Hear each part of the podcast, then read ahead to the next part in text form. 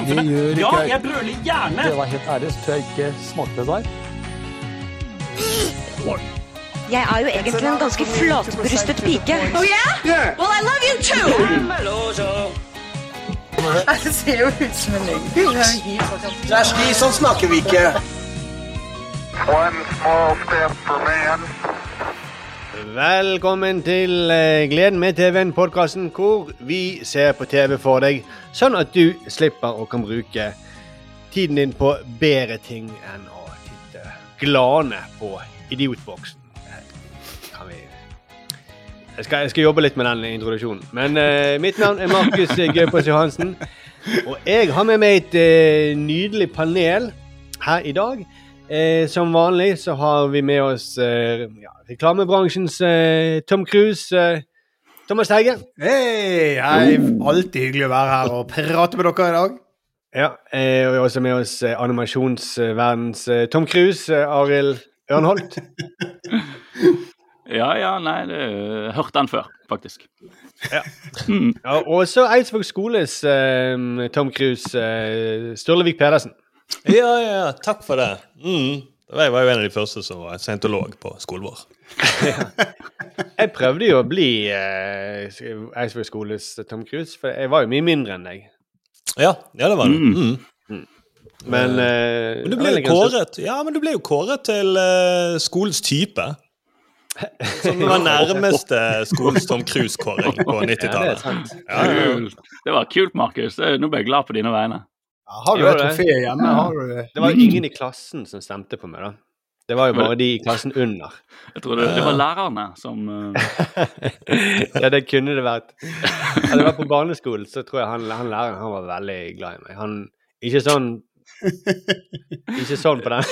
jeg, har lyst til å, jeg har lyst til å kåre klassens kuleste elev. Uh, Markus, ja, liksom- kom opp, kom opp.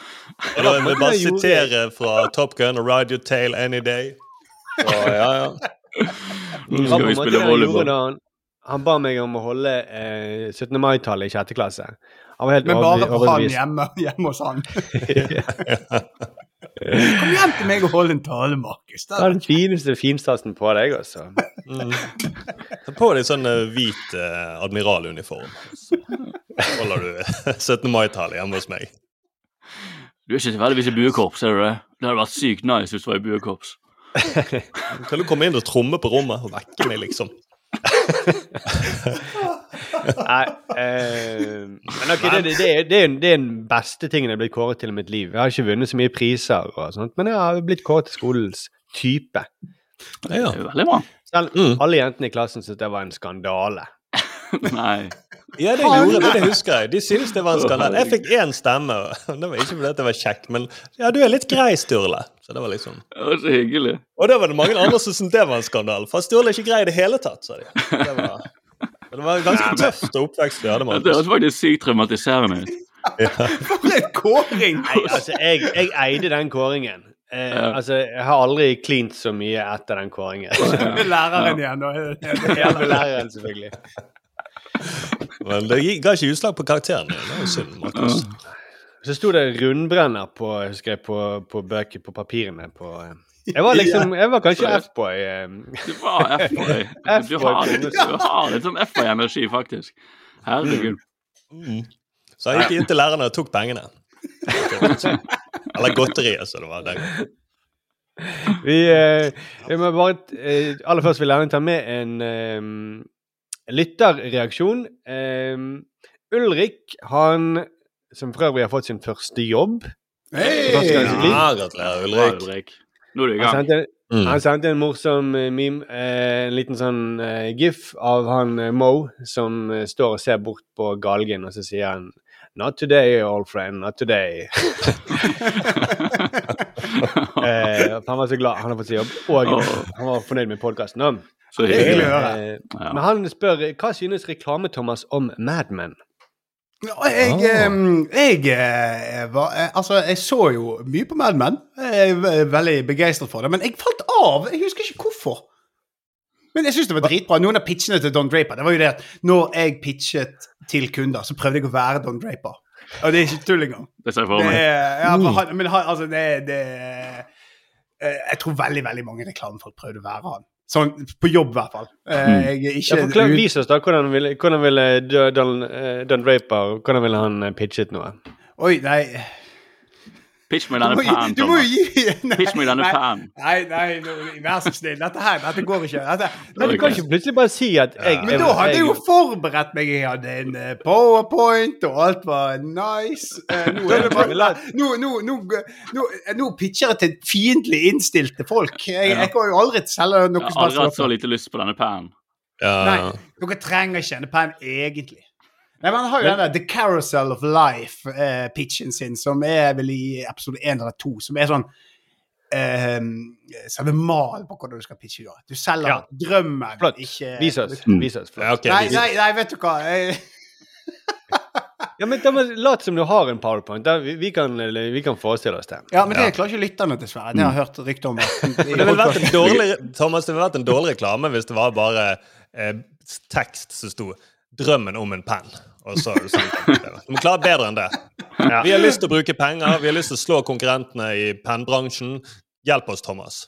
Men nå, det jeg gjør nå, er jo egentlig å skulle selge noe. Jeg utviklet jo konseptet som Hva har dette med penn å gjøre, Thomas? Fortsett. Det virker høres ut som han bare skryter av seg sjøl. Ja. Å, herregud. Eh, men er det ingen triks? Nei, det er jo Det er jo det samme som når man pitcher TV, liksom. Man må bare prøve å fortelle historien tydeligst mulig. Altså, I TV-bransjen er jo folk elendige å pitche generelt, vil jeg si. Ja. Eh, så eh, det er ja. Ja, for de begynner å si at de ikke har forberedt seg og ikke har powerpoint. og begynner å gnikke seg i hodet. Og, ja, ok. Mm. ja, nei, jeg, jeg er blitt smittet av Jeg går på bransjen. ett tri- triks nå som vi ofte har brukt når vi har pitchet ting. Ja. Uh, og det er alltid, uansett, uansett, uansett, hvis de du pitcher til, kommer med et forslag eller kommer med en idé, så må du si 'Det var en kjempegod idé. Det tar Ja. vi med'. Det har vi, det var, åh, Ah. Hvis vi får lagd dette, så får du, da får du ideen din på TV, du også. Og det funker. Derfor ser du alltid det sånn tilfredsstillende smilet hos de som skal kjøpe. Ja. Sånn, 'Å, er jeg med på denne serien nå?' Ja, men kanskje vi skal lage dette, da. Men Arild, har du brukt den? Jeg mener jeg husker noen ganger når vi snakket med luftet ideer, så har du noen noe sagt Det var en kjempegod idé, Sturle. Den tar med meg videre. Skulle hørt den Jeg har aldri stolt på deg. Hørt Jeg går hjem og animerer Markus. nå med en gang. Jeg går hjem og animerer nå med en gang, og så kommer han sikkert Markus ringte meg om denne podkasten, da var jeg bare så støttende. og. Stemmer. Markus sa det. at det var en kjempegod idé. Mm. Ja, okay. Han sammenlignet det med Teiges lydstudio.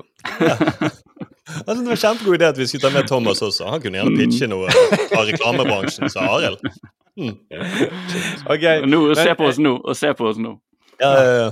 Vi lever Vi drømmen. Mm. vi må jo også få unnagjort, fordi at uh, vi skulle jo eh, Thomas, du har jo lovet du skulle lage en uh, vignett uh, til dagens sending, så det er vi blir veldig spent. Altså, Jeg kommer veldig dårlig ut av starten av denne podkasten, for det jeg selvfølgelig glemt. Eh, og Nei, Thomas. Men du kan gjøre opp for deg hvis du bare pitcher den. Ja, pitchen. Hvordan skal den være? se for dere Ok, du får ett forsøk til. Du får ett forsøk til, dommer. Se for dere de Du vet når du var liten, og du hadde en perfekt dag. Mhm.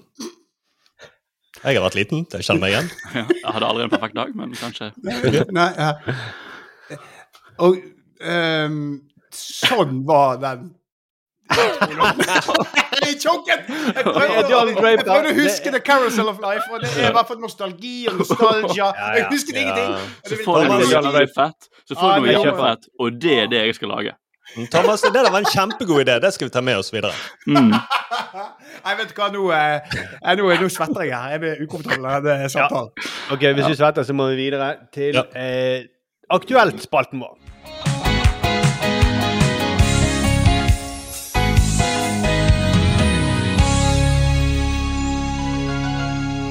Eh, Har dere, eh, Thomas, eh, siden du er on the roll i denne podkasten, Ja, ja, har du ja, noe på aktuelt?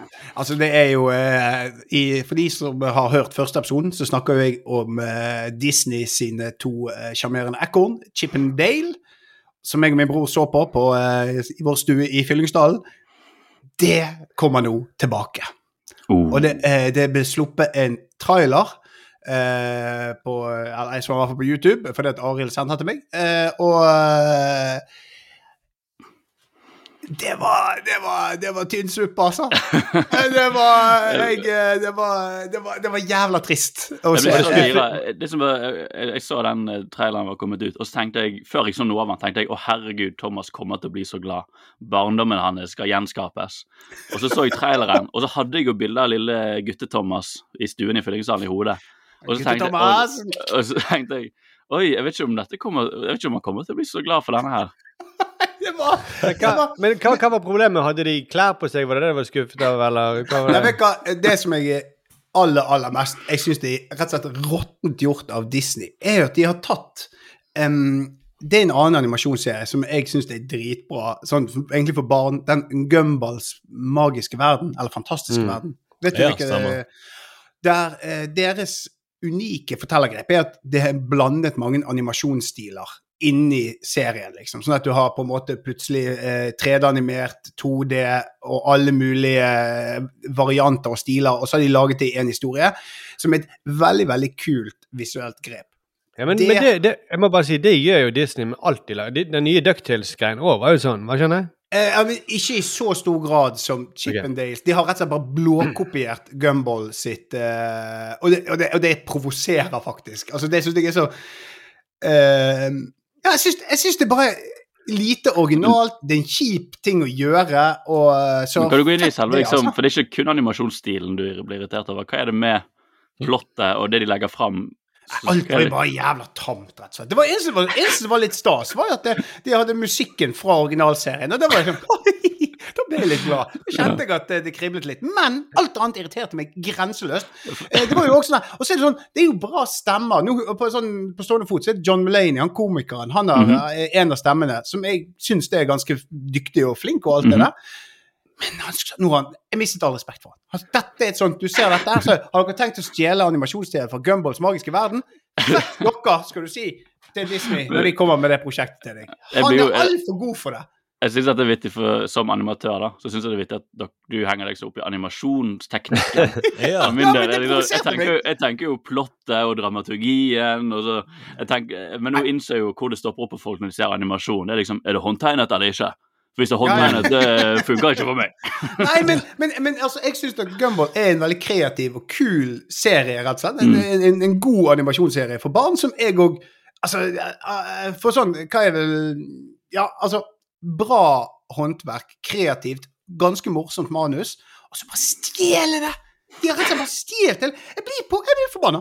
Jeg blir forbanna. Jeg syns det er så råttent gjort. Jeg hadde blitt Men jeg syns jo det generelt eh, er jo sånn greie når de lager eh, både de nye Mikke-tegnefilmene og sånt, og eh, så, så lager de, de laget en sånn Nå, nå uttaler jeg meg også som en sånn lek med med animasjon. Ja, ja. Mm. Men det skal jo Det er sånn trendy todimensjonal stil, så det skal liksom se ut som om det kunne gått på Cartoon Network. Eh, du til forveksling kanskje glemmer at det er Kanskje du glemmer at det du ser på Disney, uh, Mickey Mouse Det virker nesten som om de tenker at uh, det Men- er det men som er målet. Men ser det billigere ut? Er det det? For sånn Cartoon Network sin uh, ser jo veldig Ja. kjapp produksjon. Er det det som er? Ja. Ja, Mm. det ser jo billigere ut, men det ser jo også litt sånn trendy ut, på en måte. ja Kan jeg bare gå litt inn i liksom- selve plottet? på en Nei, måte? Nei, ingen skal få vite hva den handler om. Vi skal bare holde oss fast Jo, jeg gjør det, Arild. Jeg skjønner ingenting av det Thomas forklarer. Det er jo folk som er irritert på en stil.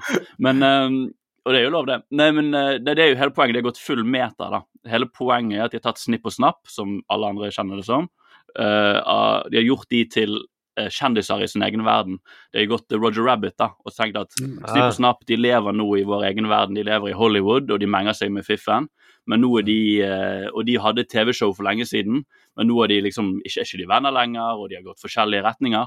Men nå må de liksom finne sammen igjen. Så de, de har egentlig gått full meter. Det er vel det som er greien her. At de Ja. har, uh, Og det er en blanding av ekte film og håndtegnet og 3D. Ja. Og de gjør en vits på et tidspunkt hvor Snapp, som har bodd i Hollywood en stund, som er 3D-animert, da. Han sier at Og jeg har fått den her 3D-makeoveren som du må få når du bor i Hollywood, som er en vits. Eh, så de er Altså, veldig bevisst på hva de gjør. Da. Så, og jeg, vil ikke, jeg vet ikke om de skal si de har stjålet det, annet enn at de bare gjør det som er veldig trendy. De har stjålet det! Ja.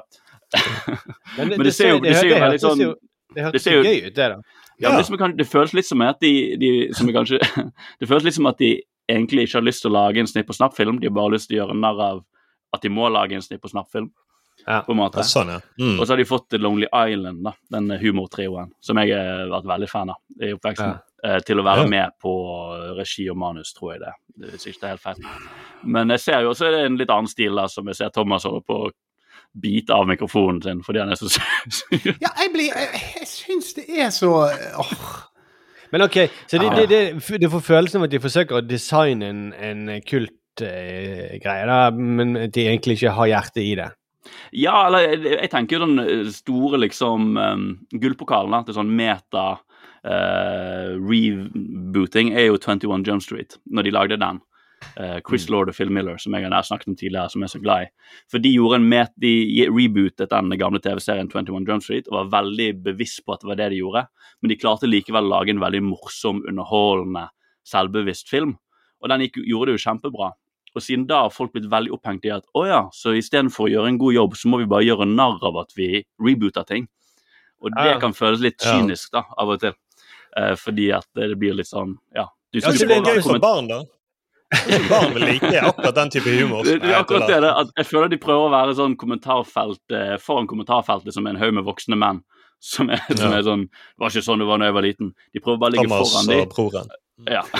så eh, Ja, det, det- vi får se, da. Altså, Jeg liker jo Lonely Island, men jeg er helt enig, Thomas. Jeg fikk ikke en god følelse i magen da så det. Føltes litt uh, slapt. Nei, det var Men jeg må bare si det, for det er jo en, det, er jo en, er jo en eh, forslitt vits også etter hvert, da. Mm, er Altså. James Bond gjør jo det. Jeg har gjort det i mange år, i 20 år, liksom. At han har Mm.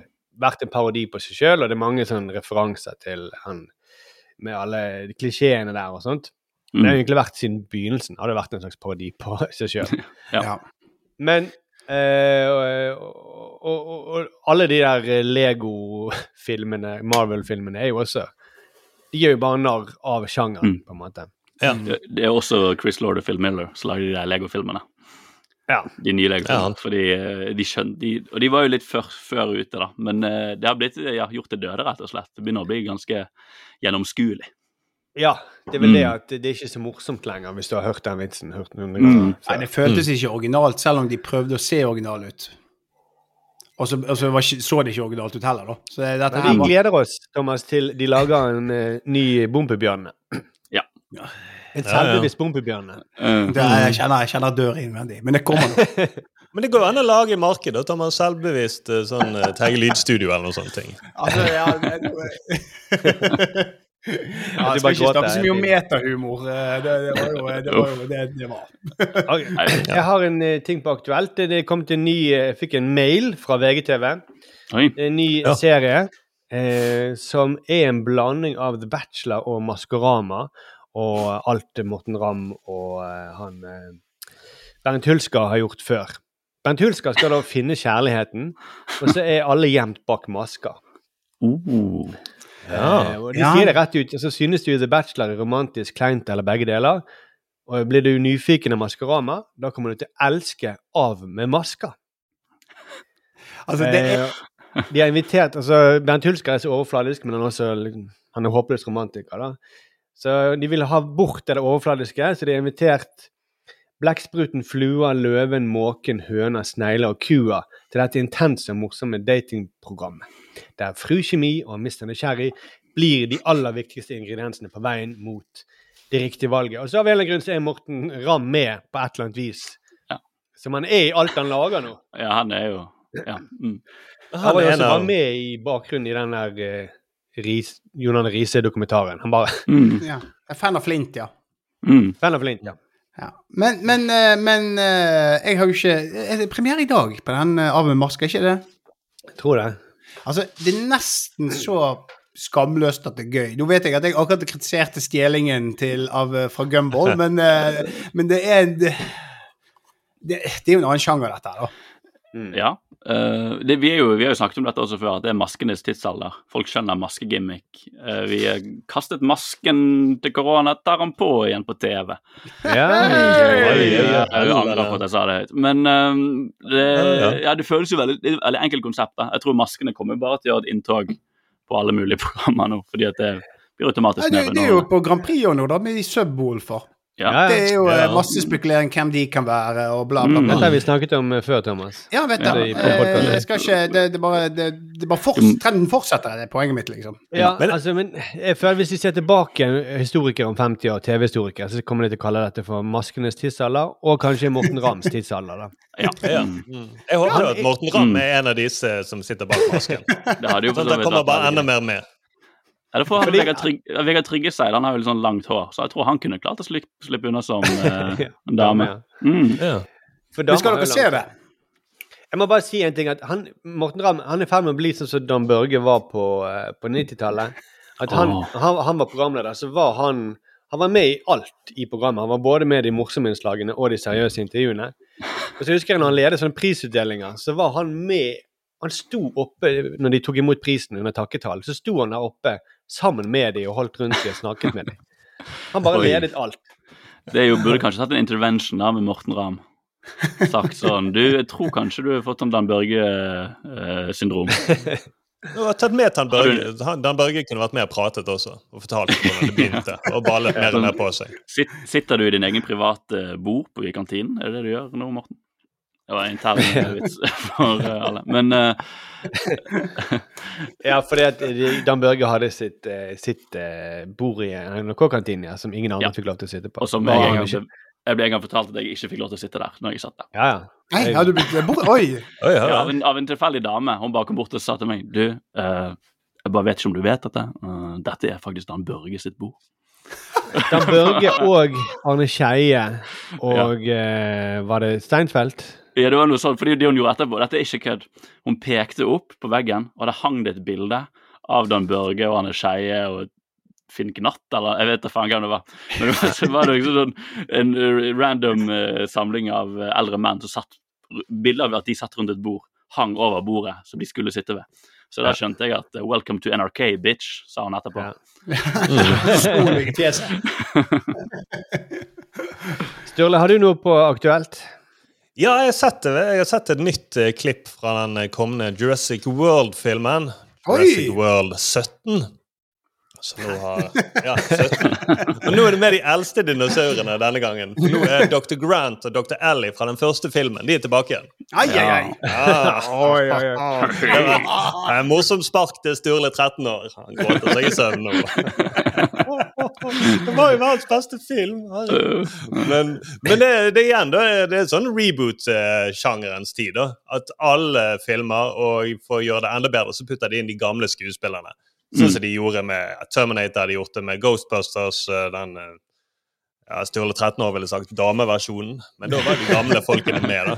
Ja. Det begynner å bli litt trøttende. De Mm. gidder ikke å komme på, de gidder ikke skrive nytt manus, men nå gidder ikke de kaste folk heller. Er bare, de bare putter inn de gamle. Kanskje Skal jeg ta en kjapp innstikker på det på, i, Ja, den nye. Ghostbusters, i den nye, nyeste Ghostbusters-filmen, da, hvor det er ikke like mange damer med? Eh, da også, gjør de noen cameos med de gamle. Og da tar de til og med han eh, Harold Ramus, da, som han eh, Egon i den originale. Han er jo død. Men det de Ja. gjør i den nye filmen, er at de gjenskaper han som et spøkelse. Så han er, jo, jo, jo, så han er med i filmen eh, som et, stumt spøkelse som liksom involverer seg også. Så det, de har gått all the way, da. Det er jo sønnen ja, sønnen til han som regisserte den originale. Jeg vet da faen, Det er noen familieconnections oppi alt det der. Men det, det er så langt det har gått, da. At nå selv når du dør, så må vi ha deg med fordi fansen blir dritsure hvis ikke du er med. Så vi finner en måte å få deg med på. Ja, det, det likte til og med Sturle 42, så når den filmen kommer ut, så skal jeg se det.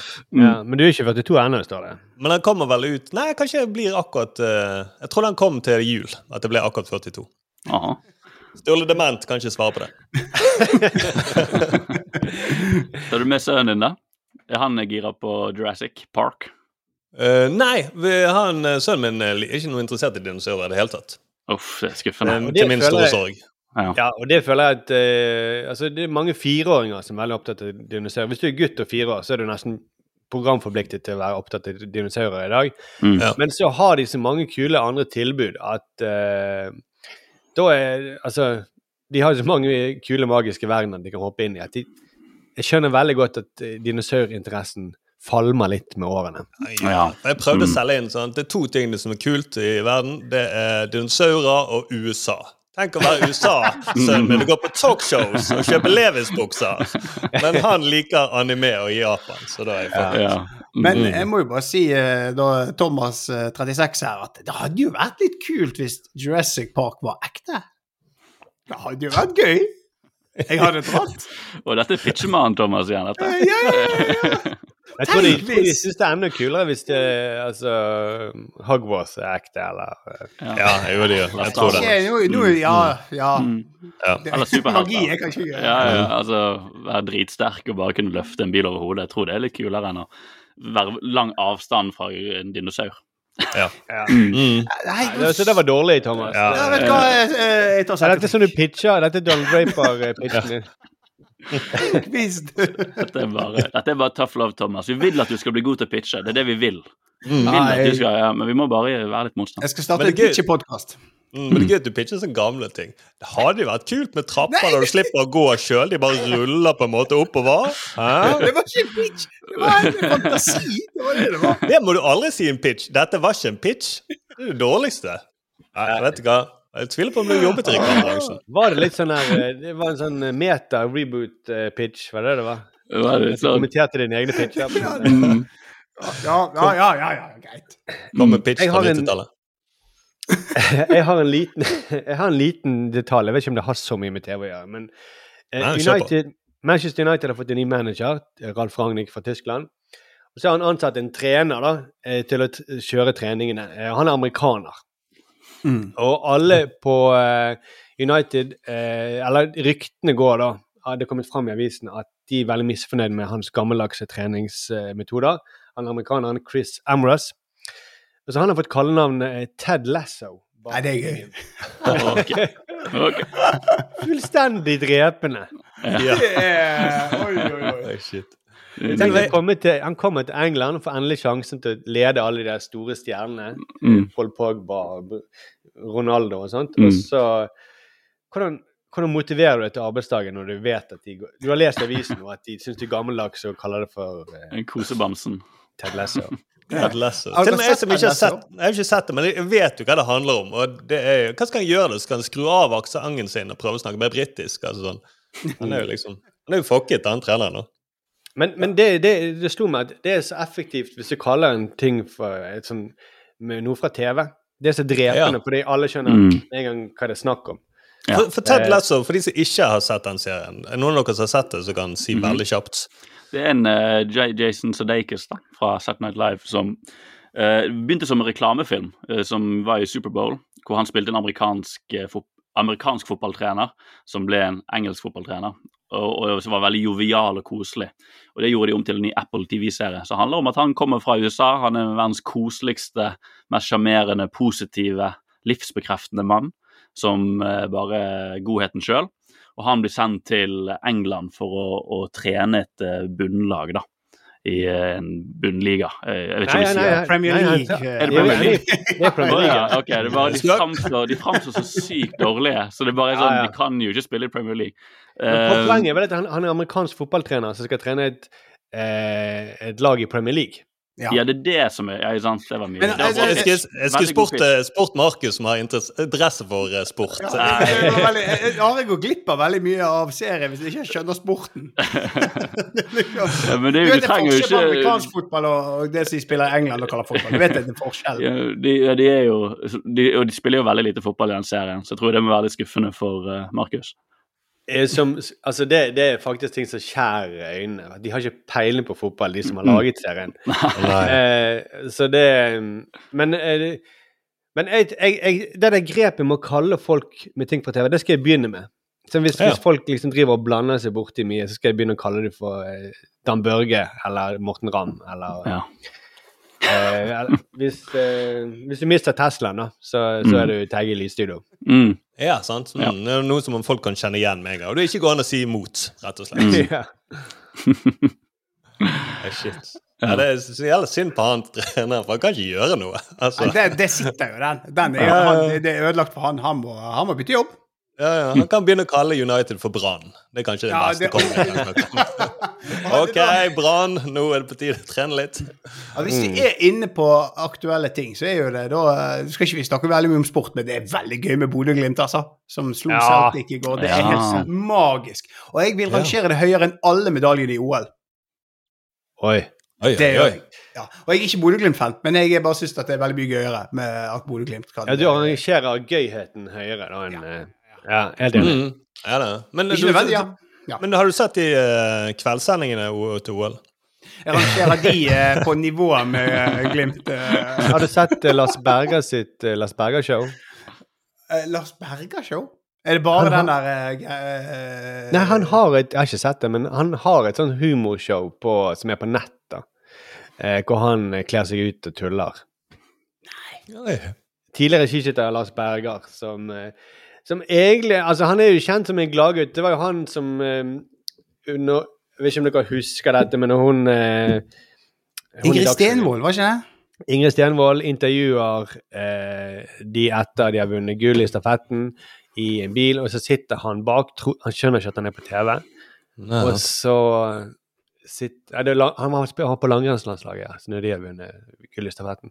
Og så sitter han og gjør sånne sugebevegelser. Og peker Oi, på det er han, ja. Ja, ja, ja. Jeg trodde det var, jeg trodde det var Nicolai Jeg alltid sikker på det var Ramm. Nå er jeg med. Nå er jeg med. Ja. Blowjob, da er du med. Ja, det er endelig noe jeg ikke forstår meg på. Ja, det er det du liker. Jeg trodde du skulle si eh, Thomas, jeg trodde du skulle si angående sport, så måtte vi snakke kjapt om Superbowl. Uh, ja, fordi ja, ja, gått, fordi ja. at uh, jeg er litt forundret, uh, Sturda, over at du har kommet ut av lykkekoma etter at du så den halftimen, specialen, med alle de hiphop-stjernene som kom. Ja, ja, ja. Jeg har sett den, jeg. Ja, jeg tenkte, da tenkte jeg sånn Når jeg tenkte på Thomas som så Snipp og Snapp-traileren, så tenkte jeg på Sturle når jeg så den Supertime Half-Hole Specialen. Som Ja. var liksom hiphop-lineupen fra 90-tallet. Eh, Jeg vet Ja. ikke hvor lenge du hang med, om du slo av på et tidspunkt, når de begynte å komme sånn Eminem og Kendrick Lamar. og Jeg sånt. så alt sammen, Ja. og jeg likte spesielt at eh, 50 Cent hang opp ned, sånn som han gjør i musikkvideoen In The Club. ja. Han har jo sett litt oppblåst ut, og når han hang opp ned der, så så han bare enda mer oppblåst ut. Det ser ut som et sånt der kjøttstykke som Rocky slår på i Rocky. Det var helt insane. Ja, jeg Apropos eh, reboot, altså.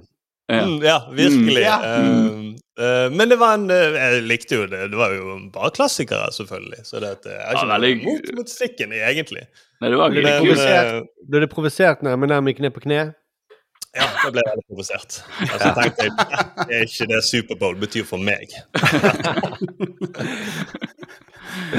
Ja, jeg, alltid det- blir alltid provosert når jeg ser det skjegget til Eminem. Det irriterer meg så jævlig. Ja. Å, fy Ja. faen. Mm.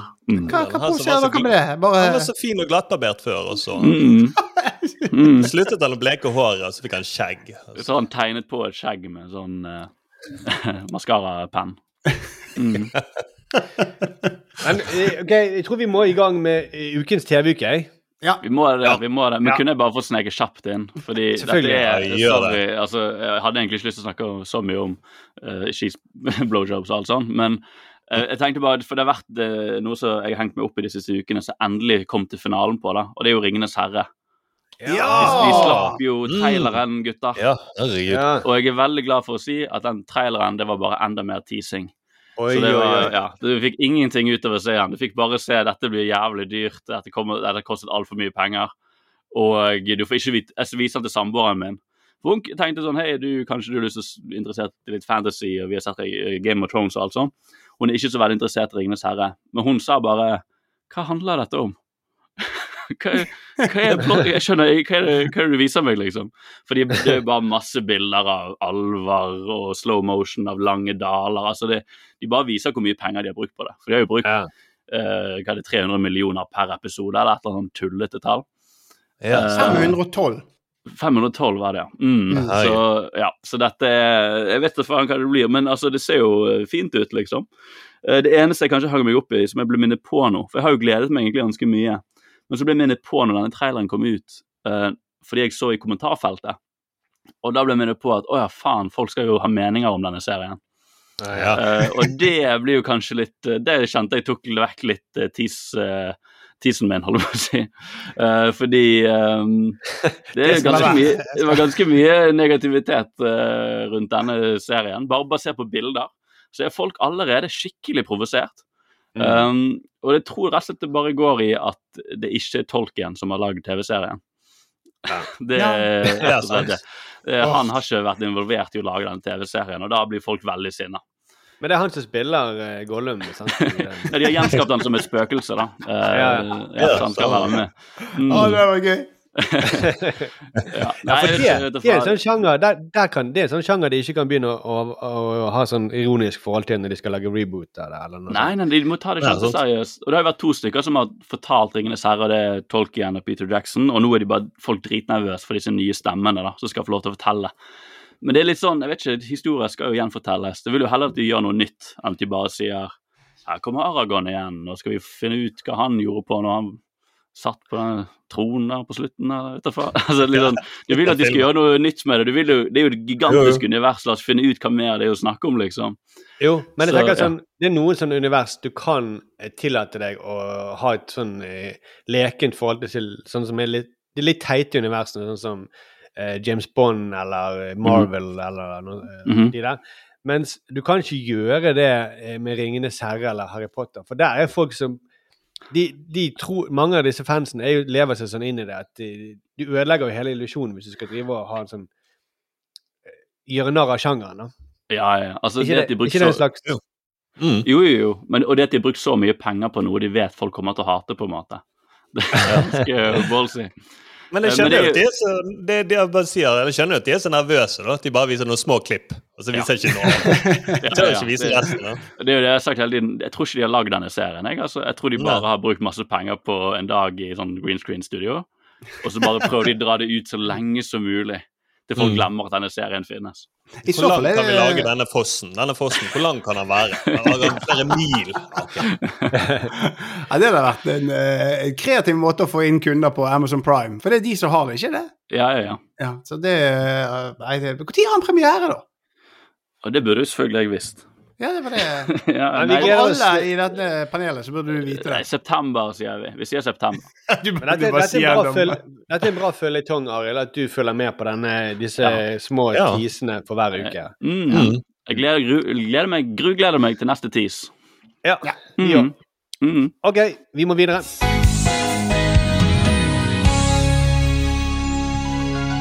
Thomas, hvordan har din TV-uke vært?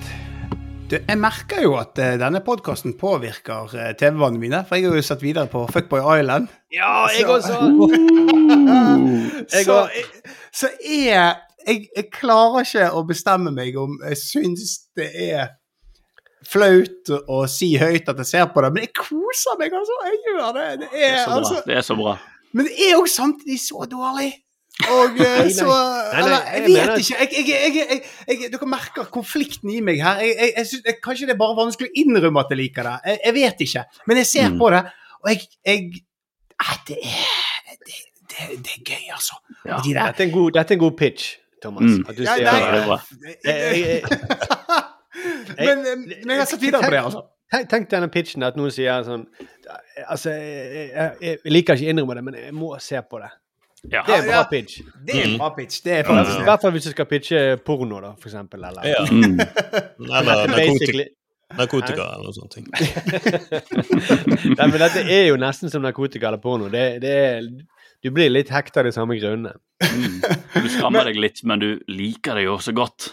Ja, Ja. det er, Mm. det er jeg, jeg, jeg, jeg eh, er litt sur på deg, Arild, for at du kom med den anbefalingen og har fått meg inn i sporet der. Altså. Dette- Men du du lurer vet- på hvor dette ender. Dette er, jo, dette er jo en gateway drug, da. Jeg er jo som en reality dope-dealer. For neste serien, vet du, Love is blind, har du hørt om den? Nei, Thomas? nei, nei! nei. Jeg vil ikke Det er helt fantastisk. Men det tar vi i en annen episode. Vi kommer Ja. dit. Du er ikke klar? Nei, jeg er Thomas, Thomas ikke si nei til Arild. Si nei til. Arild. Ja. Nei, men jeg, men jeg kan skjønne at det er liksom som, nesten som dop, på en måte. Ja. Fordi at jeg, jeg, jeg har bare sett én episode, men så tenkte jeg jeg kan ikke se den nå, F-Boy Island, nå midt i uken. Jeg må vente til helgen. Så kan jeg kose meg med sjokolade og alt annet dritt, og så kan jeg se den serien. Jeg kan ikke sitte og se den i frykt for at barna mine går forbi. Og så, kan du se på pappa. Men altså, det, det der, du, du har mye glede til For jeg mener jo at de på en måte tar reality-sjangeren til et litt nytt nivå. Ja, det, det, det, er, Det- det er jo et slags grep altså. Ja, det, det, er, sånn, det er jo en slags eh, satire Ja. over datingmarkedet og eh, m- forholdet mellom eh, menn og damer. Og det er også en Det er noen sånne sketsjegrep de gjør som er både vittig og artig. Du, du Og kjøper det. på en måte. Og Smart, smart. Og alle med på er helt fantastisk, altså. For en eh, altså, Programlederen der er helt Ja. Hun gjør jo serien. De, og alle er med på leken, mer eller mindre. For alle vet Ja. så godt hvem de er, og hvilke liksom, roller de har. Utenom én fyr som er veldig eh, så vidt jeg husker, Han er fransk. Har dere kommet Ja, til ja, han? han? Det er en fyr, da, en av fuckboysene, som blir stemt ut. Og han eh, da, Når de står i den eh, seremonien på slutten av episoden hvor de skal bli sendt hjem eller fortsette, så må de si om de er en fuckboy eller ikke. Og så er det Nice en guy eh, eller fuckboy. Mm. Nice guy, ja. Uh, nice guy eller fuckboy. Han er en kjekk uh, mann med langt hår som er fransk, tror jeg. Eh, og så blir han stemt ut, og så må han innrømme er du fuckboy eller ikke. Og så sier han I'm a nice, I'm a nice guy. Og så blir det sånn rar stemning, for Nikki Glazer er litt sånn Nei, nei, er du det?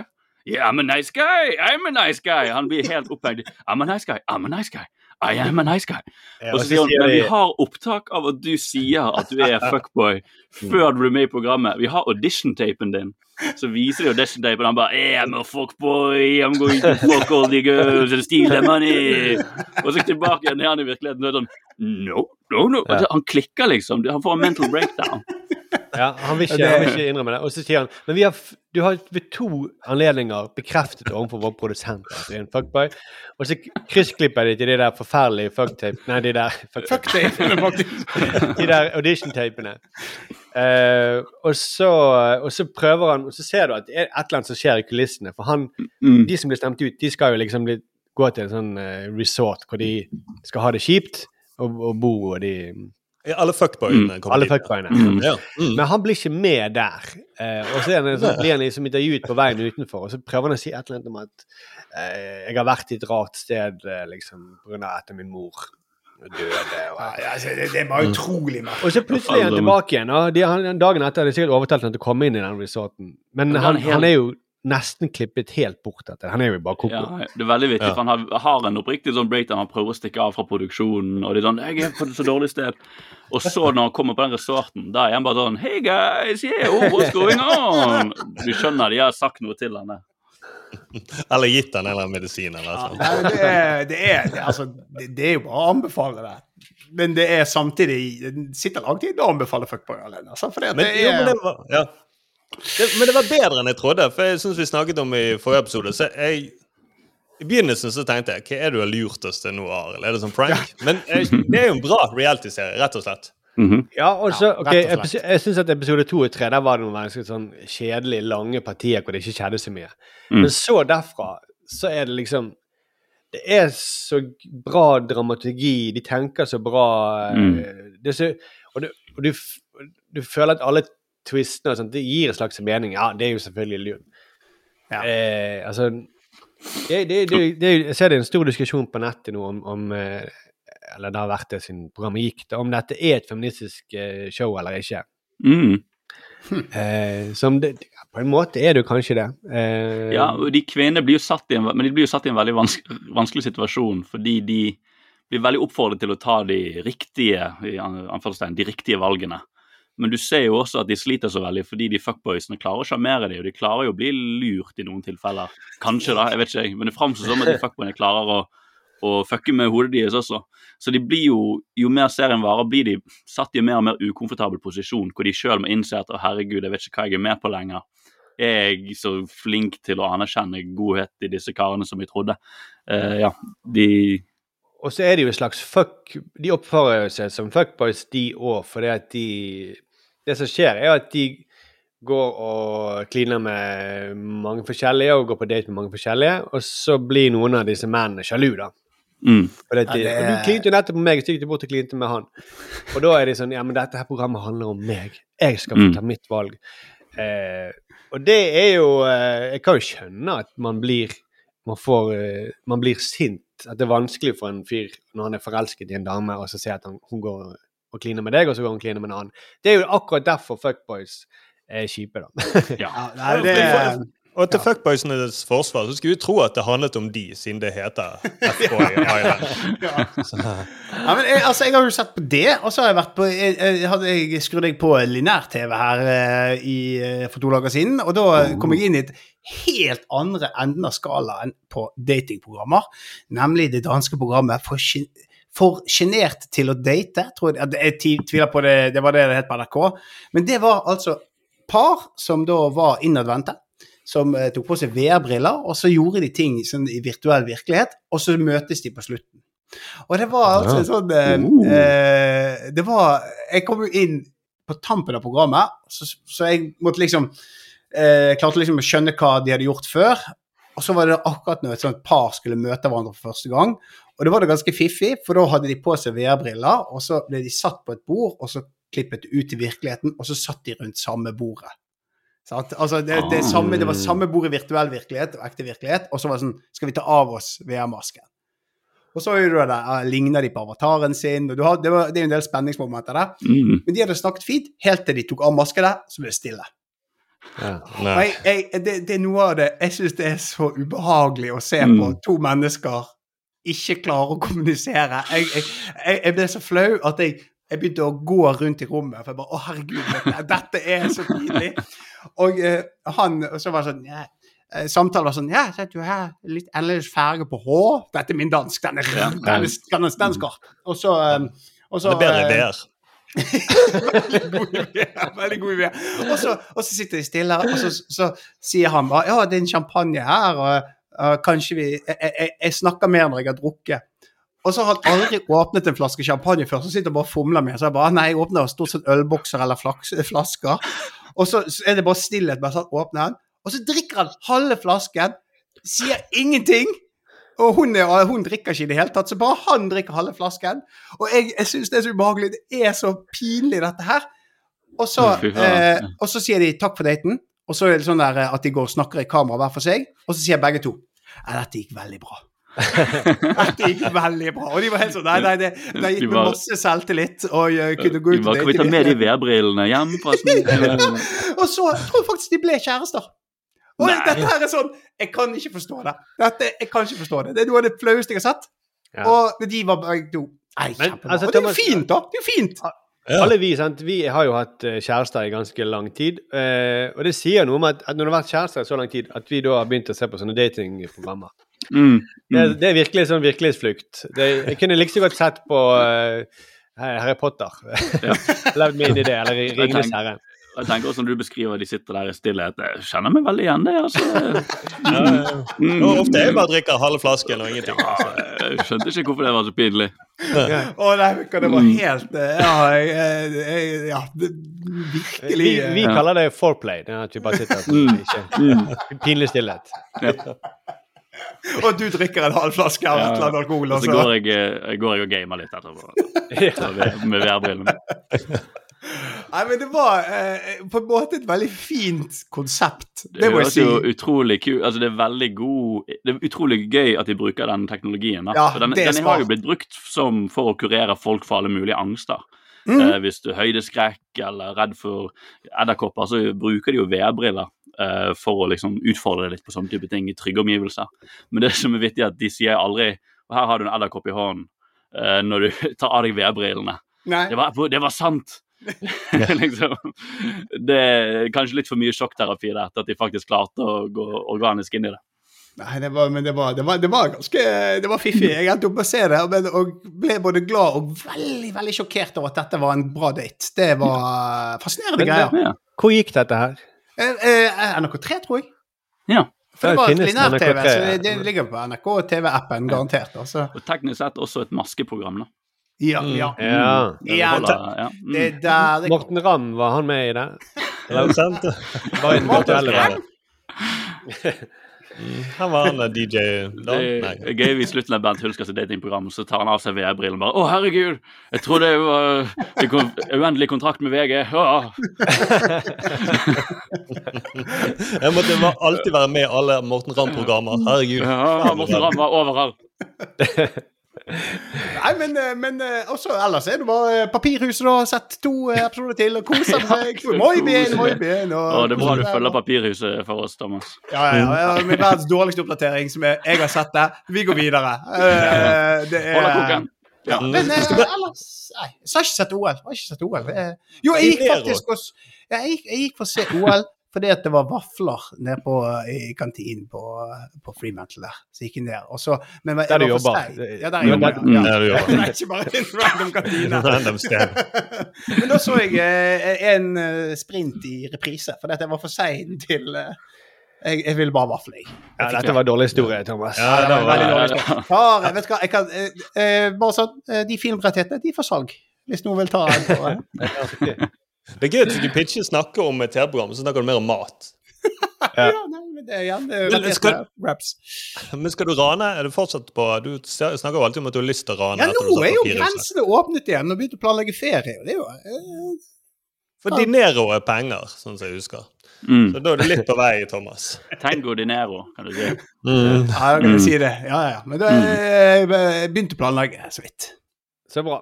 Ja. Jeg vil, da vil jeg ta min eh, TV-uke. Eh, Ja, kjør. Gjør det. Det har vært mye reality. Eh, Fuckboy Island eh, som vi Jeg følte vi, vi avsluttet den praten så fort, fordi jeg har så mye jeg lyst til å snakke om. Med, Kan, med, Du kan få så mye. Nei, det da, men Thomas ville, mente tydeligvis at det var mer interessant å høre om den vaffelhistorien. Ja. Jeg kan fortelle mer. Jeg syns dere avbrøt den for tidlig. Ja. Du har gjort veldig mye research og vitser du skrev opp om vafler, så vi hopper forbi. Nei, unnskyld, Markus. Det var ikke mer. Men det har vært mye reality denne uken her. Det begynte med eh, 'Mesternes mester'. Det var da tidenes mest pompøse deltaker røk ut av 'Mesternes mester', Anja Hedin. Vi kan høre noen klipp. og vi, Bare husk på eh, at eh, hun snakker nå etter Hun har ikke hoppet i fallskjerm eller gjort noe spektakulært på den måten og dratt til andre siden av jorden. Hun har nettopp gjennomført en hinderløype. Eh, og alle disse klippene her de har jeg bare klippet sammen fra de siste fem minuttene av, av programmet. Når hun ryker ut. OK. Åh, Det her har vært en helt fantastisk opplevelse. Jeg, jeg tror på mennesker som har en passion, jeg tror på mennesker som våger å drømme. og Min drøm er at han skal få lov å leve ut sin passion. For vi lova hverandre en ting når vi gikk inn her. Det var at vi alle sammen skulle makse. Vi skulle gi innsats i alle konkurranser. Og det har vært så gøy. Hvordan har det vært å være med 'Mesternes mester'? Helt fantastisk. Det å få lov å gjøre det sammen med dere, komme tilbake i den konkurransefølelsen, og så kjenne på de oppturene og nedturene, det, det har vært helt fantastisk. Så jeg er kjempetakknemlig. Altså, eh, Jeg vet ikke hvor mange ganger hun sier 'fantastisk' i løpet av det programmet. Men dette er bare for de siste fem minuttene, da, som jeg smekket inn. Oh, ja. Ja! Så dette var alt dette var fem minutter Altså, oi, oi, oi. Jeg Det var de siste fem minuttene hennes i programmet. Så sier hun 'fantastisk' tre ganger og snakker om passion og eh, eh, drømmer og Og det hun har gjort Hun har, hun har akkurat løpt en hinderløype. Det er det hun har gjort. Det, Det hørtes ut som Thomas som nettopp har spist vafler. på fredag. Den der passionen, og den lukten og sånn. Men herregud, hun har løpt hin hinderløype. Altså. så- Og det er ikke en sånn spektakulær hinderløype heller. Det er en sånn som eh, Jeg har vært på sånn eh, klatregreie med barna mine, og det er jo en sånn klatrepark. Og der, Ja. det, er jo, det er jo mye mer spektakulært enn den fisehinderløypen de hadde på stranden. Mm. men, okay, men eh, hun syntes det var en fantastisk opplevelse, det å Ja. være med på de oppturene og nedturene. Oppturer og nedturer i hinderløypen. ja. Det følte jeg det undergraver alle idrettsutøvere som er stolt av noe de har gjort. Fordi at hun kan være så stolt over å ha gjort det. Liksom Usain Bolt, ny verdensrekord, og han bare 'herregud, dette er så fantastisk'. Ja, men hun syntes det var fantastisk å løpe litt i sanden. Jeg skjønner dere, altså, Det tar jo vekk verdien til alle store prestasjoner. Ja. Mm. Det, ja. Men OK, det, det var noe Det, eh, det var reality-uken min. Og Fuck på Ellen. Jeg har sett det hver eh, kveld før jeg har lagt meg, når alle andre har sovnet i huset. Så er det jo liksom Du ser aleine, faktisk. Jeg sitter alene. Ikke faktisk, men sånn at eh, det er bare så gøy serie å snakke sammen med de du ser på, men uh, samboeren din Jeg prøvde å få min samboer hektet, men hun, syntes ikke det var noe eh, Predator. prøvde, Jeg må vise deg. Se, Ja. se, se, se han den franske dusten, da. Så. Men hun, hun syntes ikke konseptet var noe gøy. Det var bare Hva? Mm. Men sånn er det. Sånn er det. men jeg har lovet å snakke om Encanto. Hm? ja, ja. Ja? Disney-filmen. Å ja, ja! Mm. Som gjorde et veldig sterkt inntrykk på meg. Eh, vi kan det, det, det har jo blitt en eh, TikTok-hit og YouTube-hit, eh, den Ja. eh, ene sangen iallfall. Vi kan ha et lite klipp av den.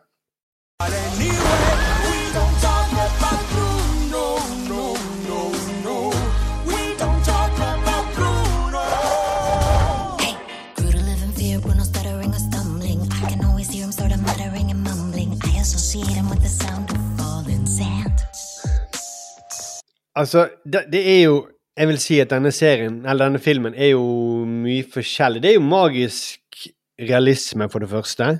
Mhm. Sånn som eh, i tradisjonen Åndenes hus eh, og Gabriel Garcia Marquez, som jeg har lest en gang i tiden, for lenge siden. Eh, det, men det er også en musikal.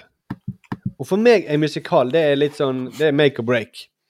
Mm. Eh, og jeg vet ikke hvorfor jeg no, Som regel så syns jeg musikaler er vanskelig begrepet. Men når jeg først blir grepet, så blir jeg veldig grepet. Og jeg vet ikke- Danser du med og Nei, da gråter jeg bare. Jeg blir så beveget av det. Der var du som en robot, Thomas. Når du, du danser. Det er liksom Det er musikk, så du danser. Du syns han russiske, han i eh, F-Boy Island, han som adoptert fra Russland. Gareth. Ingen mer menneskelighet i øynene Jeg er bare helt død i øynene, ja. ja. Mm. Men jeg vet ikke hva, hva, det- hva det er med dere, men for meg så handler ofte det om å bli grepet om ikke det, det er to ting, tror jeg. Det ene er at det handler om det skillet mellom vanlige scener og musikk. Hvis det er for stort Hvis det liksom er en normal scene, og så lever du inn i den og tenker det er en, at nå er det en ordentlig film jeg kan følge med på, og så brytes det av en sånn et musikalnummer som på en måte ikke Som bryter hele illusjonen, da. Mm. Eh, ja. Da blir jeg dratt ut av det og tenker hvorfor det? Hvorfor, sier, hvorfor synger han dette? Kan ikke han bare si det? Eh, Hvorfor Det er danser det du til dette? Ja. Det er jo den klassiske jeg, Sikkert ingen som er overrasket på den poden over at jeg elsker musikaler. Så, men uh, gjort siden jeg var liten. Ja, vi hørte deg snakke om sport i sted, så det ja. Ja, ja det, dere tok den. Eh, men det, og det er jo akkurat den diskusjonen du sier der, Markus, jeg har med folk da som er skeptisk, musikalskeptisk, er hvorfor synger de? Jeg blir så irritert. Og det, jeg, jeg ser den, at liksom noen ganger så blir du sånn, De blir veldig irriterende da, når de liksom midt i en samtale om at og jeg er litt nervøs foran Jeg skal møte hun damen i morgen, og jeg blir litt nervøs. Og så plutselig snur bestefaren og sier sånn Men det er greit å være nervøs når du skal Ja. møte kjærlighet. Og så da blir det sånn Jeg skjønner, oi. han kunne bare sagt det, kanskje det hadde vært finere, liksom. og det tilfører så lite eh, ofte. Ja. Ja, Annet enn at vi må ha inn et sangnummer. Det er, fem, det er ti minutter siden sist. Nå må det inn et sangnummer her. liksom. Men meg og deg så jo med Arild, vi så jo Hamilton sammen. eh, Mhm. Musikalen. Og Mm. der, eh, den, der synger de bare hele tiden. Så det, Ja. det, og det eh, og, Eller rapper eller synger. Og det, Mm. det, det gjør det lettere å kjøpe, da. Mm. Eh, Det språket er sang. ja. Mm. Ja. Eh, og eh, det er kanskje det som er fellesnevner for de musikalene som jeg har likt. Moulin Rouge eller denne her, da. Det er at det er litt sømløs overgang mellom scenene og musikken. Mm. Eller At- Singing in, Singing in the Rain, da, bare for å skyte den inn. Hvor det Ja. handler om å lage musikal Eller de lager film, og de lager musikalfilm. Og da er det veldig naturlig at de skal gjøre disse store sangnumrene. Til og med utenfor filminnspillingen og sånn også. For det, Mm. det er kanskje det at du jeg får følelsen når du ser på en veldig lang musikkvideo eh, når, Mm. I alle disse her tingene jeg har likt. Da. Det er kanskje det som er Og så er det også noe med selvfølgelig at musikken er kul. For veldig ofte er, i musikaler så er musikken veldig glatt og døll. Mm. Det er jo som å se på Grand Prix. Eh, men jeg, kan, jeg har ikke sett så mye musikaler som eh, Arild, så jeg, det kan være jeg går glipp av masse fet musikk.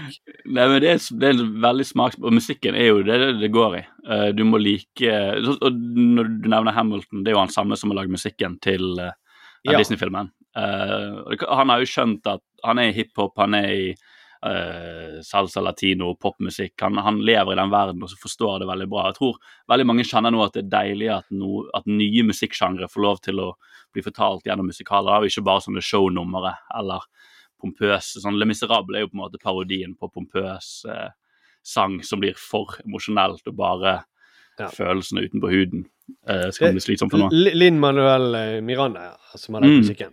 Mm. Altså, Men det, jeg- det er også ja. Ja, unnskyld, Thomas. Nei, jeg skulle bare si sånn musikalmessig, sånn i forhold til det Arild snakket om nå. Men så er jo liksom sånn Noe av det absolutt gøyeste noensinne har sett på en scene, var jo Book of Mormon.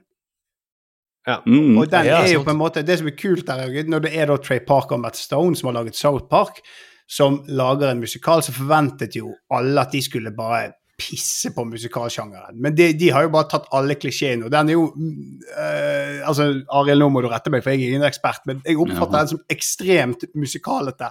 At de Ja, bruker ja, men- sjangeren på den beste måten, liksom. Han Trey Parker er jo, elsker jo musikaler. Han Ja. in inkorporerer det i alt han lager, nesten. Uh, første filmen han lagde på college, var jo en musikal som het Cannibal the Musical. Ja, det stemmer det. Som handler om en haug med uh, cowboyer som begynner å spise hverandre. Og den første han- South Park-filmen er jo også en uh, Sabbatfilmen. Og Ja. de, det som er så gøy, apropos Book of Mormon, det vi snakker om å integrere musikalen inn i det. Så Book of Mormon, det sitatet de har derfra, da de lagde det, var at de, de hadde lyst til å lage noe om mormonere, og så skjønt, tenkte de liksom at det, mormonere kler musikalen veldig godt, for det virker som at de alltid skal til å begynne å synge når du møter en mormoner. De er så positive og glade og alltid på og har masse energi. Og det, de har alltid den energien som noen har rett før de skal gå inn i sang. uh, og det kjenner man litt på det i Book of Mormon òg, at de, du føler når, du bare, når de bare snakker i scenen, så føler du hele tiden at nå, jeg gleder meg til de skal begynne å synge, for de så, Ja. har så mye sånn positiv, naiv energi. Men det, det, for meg som driver med komedie, så er det jo uh, veldig sånn nærliggende. Og det er jo Jeg sliter også veldig med, med sånn uh, sang og humor. Det, det funker selvfølgelig noen ganger, men Mm. det jeg uh, Noen ganger så kan man føle at man, man kan ha en halvdårlig vits. Hvis man synger den, så ler folk. Ja. Mm. det er liksom den litt opp. ja. Eh, da trenger ikke vitsen være så bra. Jeg er, jeg er veldig sånn fokusert på Nei, men vitsen er jo dårlig, hvorfor ler dere? Men, hvis det er et refreng, så er det liksom greit. Det er litt som å si, eh, si vitsen på eh, trøndersk, så er den liksom morsommere. Jo, det jo. Som, jeg syns av og til er det et billig triks eh, og som jeg ikke kjøper. Jeg, jeg er sikkert litt, litt sånn skadet at jeg er litt for litt sånn autist at jeg bare går på meningen av setningen. Jeg driter i hvordan det blir sagt. Mm. Mm. Du vil se det i tekstform, og så vil du se om det funker. Ja. Også, Det er det ja. viktigste. Mm. Eh, Trønderdialekt er jo morsom, Markus. Det er jo det. Hvis du tenker på lydene så Jeg ler mest av trønderdialekt bare pga. lydene. Ikke hva som blir sagt. Det får alle med meg. Nei, jo, men jeg er helt enig. Det, det, det føles som et sånn billig triks. da. Man tar og så lurer inn eh, en latter som egentlig ikke ville vært der. Ja, jeg, jeg kan se det. Altså, jeg føler det, det er kanskje litt doping i det, men samtidig så føler jeg også for å gjøre det bra, da, så krever det også eh, ganske høyt nivå. Hvis du først, De som er flinkest i det, de, de opererer på et veldig høyt nivå. da, og det er sånn som å si tromming. altså Noen ting bare virker lett å gjøre. så Det å synge noe morsomt Jeg tror alle Det virker som at du får så mye gratis av det, men for og kanskje du får folk til å le og humre litt, men hvis du tenker litt sånn Si Lonely Island, da, som jeg nevnte tidligere, som har lagd mye rappmusikk som er humoristisk. Der er altså Jeg vet ikke. Det, de opereres på så høyt nivå i tekstene. Det er så mange vitser på rad. Og du kan høre det om igjen og om igjen og legge merke til en ny vits som du ikke har lagt merke til. Noen ganger hører du bare på låten for du syns det er en fet låt. Uh, og Men, men det er litt Ja. urettferdig å, å liksom, tenker jeg, for de er jo eh, ubestridt. Altså, det er kjempebra. De Mm. er jo de aller, aller beste. Men det er en sånn skog av folk som ja, lager musikaler som eh, der de, man kommer unna med veldig dårlig tekst. Bare fordi det, det rimer. 'Å, det var rimte, da var det morsomt'. Ja, men jeg føler det med revy. Uh, jeg, Ja, jeg jeg, liker mer jeg liker mer musikaler enn revy. For det revy, Ja. revy har du bare en gammel melodi, og så kommer du med en ny tekst. Og teksten trenger ikke være bra i det hele tatt, men det rimer på det opprinnelige ordet. Og da er det greit. Ja. Ja, jeg tror iallfall i hvert fall liksom- for mange så, så, så tenker jeg så eh, aksept, De svelger en dårlig vits eh, hvis den blir sunget. Mm. Eh, og det, det er bare et mysterium for meg. Jeg kritiserer ikke de, jeg bare syns det er vanskelig å forstå. Men jeg, jeg, sånn- ja. Ja, unnskyld. Ja, nei, jeg skulle bare si at jeg er jo også litt sånn misunnelig på at de som klarer på en måte å takle en sjanger. sånn. Altså, jeg sy- syns jo at Bo Burnham sin 'Inside' eh, var en helt fantastisk eh, special om eh, de låtene der. Det er smartness, og det er, det er bra låter, og det er lekent, og hele altså, 'Inside' kan, kunne vi snakket lenge om, egentlig. Men, men jeg syns jo det er Jeg skulle ønske jeg kunne det. Det er det som er poenget. Altså, Ja, ja, jeg har- det skulle jeg ha. Mm. Ja, jeg virkelig ønsker at jeg mestret det, den del av eh, humorfaget, men det gjør jeg ikke. Ikke i det hele tatt. Jeg eh, har ingen rytme. Ingen. Jeg prøvde jo når meg og Arild eh, jobbet med Teige Lydstudio, som er en perle, eh, så, eh, så, så prøvde jeg jo å skrive sanger, men da måtte jeg bevisst skrive de sånn at de skulle være dårlige, og så prøvde jeg seriøst. Mm. Og det Jeg ville- så hvis meningen, da. Jeg ville, hvis det er det der, Thomas, ville jeg kanskje prøvd med trønderdialekt, bare for å ja. sett om det hadde funket. Kanskje jeg skal legge over til Men jeg er ikke prinsipielt imot å legge musikk på. Jeg bare mener at det av og til kan være en unnskyldning for en dårlig vits eller en dårlig story eller eh, Mm. eh, At jeg ikke lar meg blende av, av at det rimer. At det er på samme måte som kanskje Ja. ja. Eh, Nå skryter jeg meg sjøl at jeg ikke lar meg blende det, men eh, men altså, jeg, jeg har jo elsket eh, det, Jeg har jo ledd masse av morsomme musikkvideoer. Det finnes jo det. liksom. Mm. Ja, ja, herregud. Ja. Ok, Men det fineste da med Encanto, syns jeg eh, det var der vi var. Ja, det var der vi var. Ja. Det er jo Det synes jeg Og grunnen til at jeg ene, Jeg var jo tynnslitt og syk og sånt, men grunnen til at jeg ble veldig beveget i tillegg til at jeg var tynnslitt, det, det tror jeg var Det er rett og slett filmens eh, budskap. Så kjedelig. eh, men for Ikke all- animasjoner, altså. At de har sånn gammel er- Jeg var veldig stolt av deg, Markus. At du ikke bare sa Jeg likte at det var sånn 3D-animasjon. men den, men den er, det, er jo, det er jo det er jo veldig eh, Det er veldig Disney- eller Pixar-animasjon, men den er jo Mm. veldig bra gjort innenfor den sjangeren. da. De Altså, har jeg- begynt å skjønne, de har begynt å skjønne seg på det nå. Mm. Eh, men ja, uansett.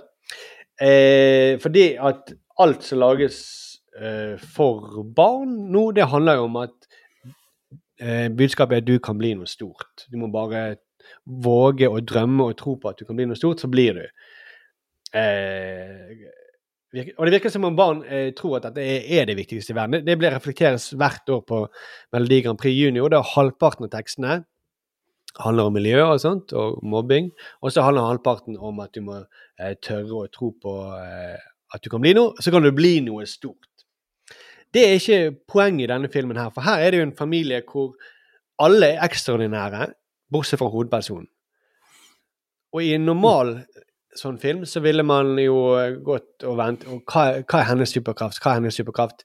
Så finner han det ut kanskje mot slutten. Dette er min superkraft. Jeg eh, kan prompe flammer eller et eller annet sånt som, som var greien i den eh, superheltskolen på NRK3 nå, som er en serie. Det var det eneste. Ja. som han, han hadde ikke noen superkraft, men så viste det seg at han hadde det likevel.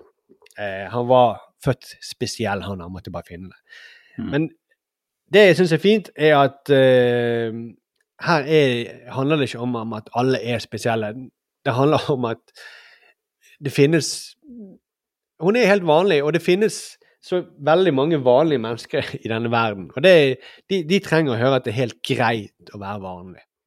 Og faktisk så er det jo de der de, Det er en familie som er så ekstraordinær at de, den holder jo på å eh, Det er kravet om at alt skal være så fantastisk og ekstraordinært. Det er det som holder på å ødelegge den familien.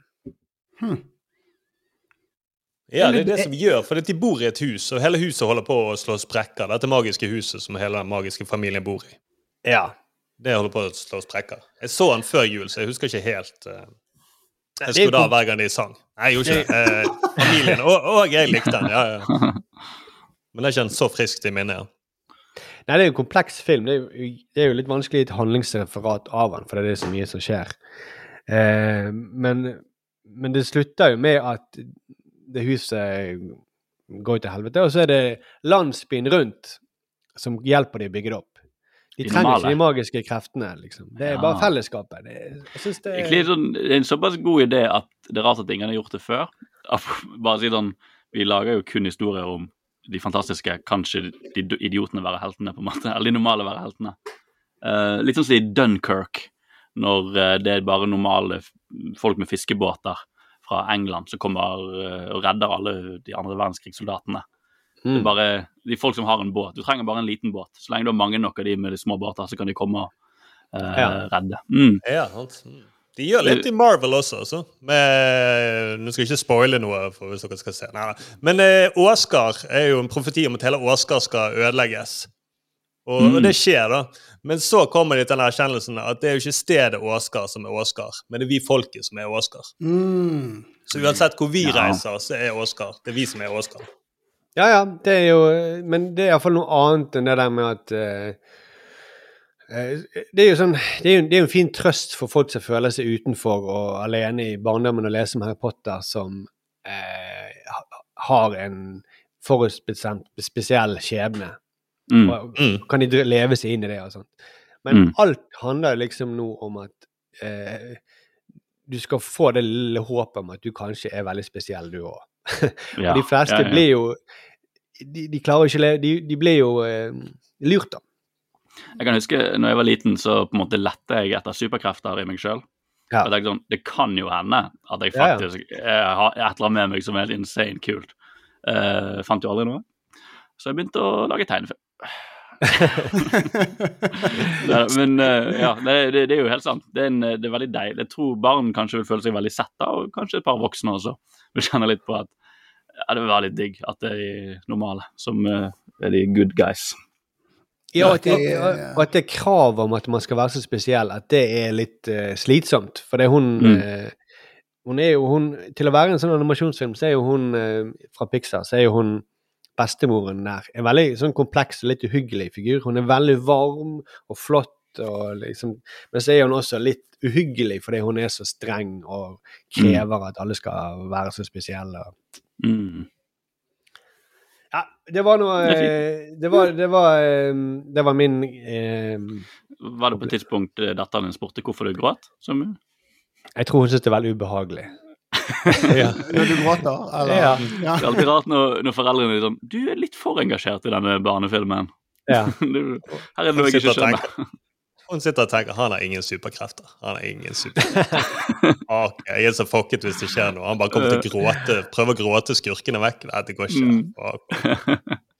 Men jeg skal bare si, men det, det, er en veldig fin ting, fordi at Malcolm Gladwell snakker og bok om dette, hvor alle sånne genier eh, vi har opp igjennom, eh, så viser han at det er egentlig miljøet rundt som har skapt dette geniet. Altså sånn at eh, Steve Jobs og Bill Gates Det var en grunn til at de ble så gode innenfor IT. da. Det var fordi at de vokste opp akkurat i California, akkurat til den tiden der eh, Bill Gates var kanskje den første i verden som hadde sommerjobb. Der han fikk komme i kontakt med datamaskiner som sånn 14-15-åring. Mm. Men det er jo ikke det som blir løftet frem. Alle blir jo løftet frem at det er de som er så spesielle. Men istedenfor Mm. er det omstendighetene rundt som rett og slett var spesielle. Det er også der man ser at overraskende ofte er det folk med rike bakgrunner som får spesielle barn. Fordi at de kan gi barna mer muligheter, eh, rett og slett. Ja, ja. Eh, så det, Det, men det er jo den amerikanske drømmen om at uh, man kan bli noe. Men, men det som er en liten ting som jeg, når jeg leste om den filmen, så jeg leste intervju med alle de skuespillerne. Uh, og alle sammen sa Det var veldig rart, liksom. At ja, jeg følte at denne karakteren den var veldig bra for meg, for jeg har jo alltid følt meg litt sånn spesiell. Og jeg har alltid følt meg litt uh, At jeg kan skifte ham, og at jeg eh, Så det virker som skuespillere, så ja, det, det, det er en sånn ting som er, det, er, det, er det blitt en sånn standard greie at man må si det? Til og med når han har stemmen i en tegnefilm, at man må liksom si Jo, for han sa stemmen som til Bruno. Han han følte jo da at det var ingen som snakket om meg i familien. ja. Måtte gjemme meg. Det er sånn jeg kunne kjenne meg igjen i. det, det, er sånn de, det er sånn de må bevise at de faktisk er skuespillere. For de må si jeg fant noe her som faktisk er veldig relaterbart. Eh, Jeg er jo, har jo vært en liten skilpadde på en måte i drømmene mine. ja. Av og til føler jeg meg som en liten skilpadde nå. jeg går litt treigt. Mm. Jeg har, meg, og, meg og min bror drev og strippet i stuen, så jeg kan jo på en måte relatere til Chippendales. Men da til en spesiell animasjon, og ikke Der man ser underbuksene tydeligere enn en Gumball. Nei, jeg har ingenting å tilføye der. Altså. Det, Nei, det, altså, hvis, dere lurer på, hvis dere lurer på forklaringen på den vitsen, så må dere gå og høre første episode når Thomas forteller eh, av denne podkasten, hvor Thomas forteller at han og hans bror driver og eh, stripper i stuen sin. Eh, I Fyllingsdalen i Bergen. omtrent sånn jeg husker det, i hvert fall. Ja. Mm. Det- har malt veldig mye av podkasten, akkurat den historien. Jeg kan ikke huske å bli strippet foran TV, eller om det var foran videokamera. Men det det er bare å høre episode én. Det var den læreren til Markus. Så- Ja. Ja. Mm. OK, eh, det var min TV-uke. Arild, eh, hva er din TV-uke?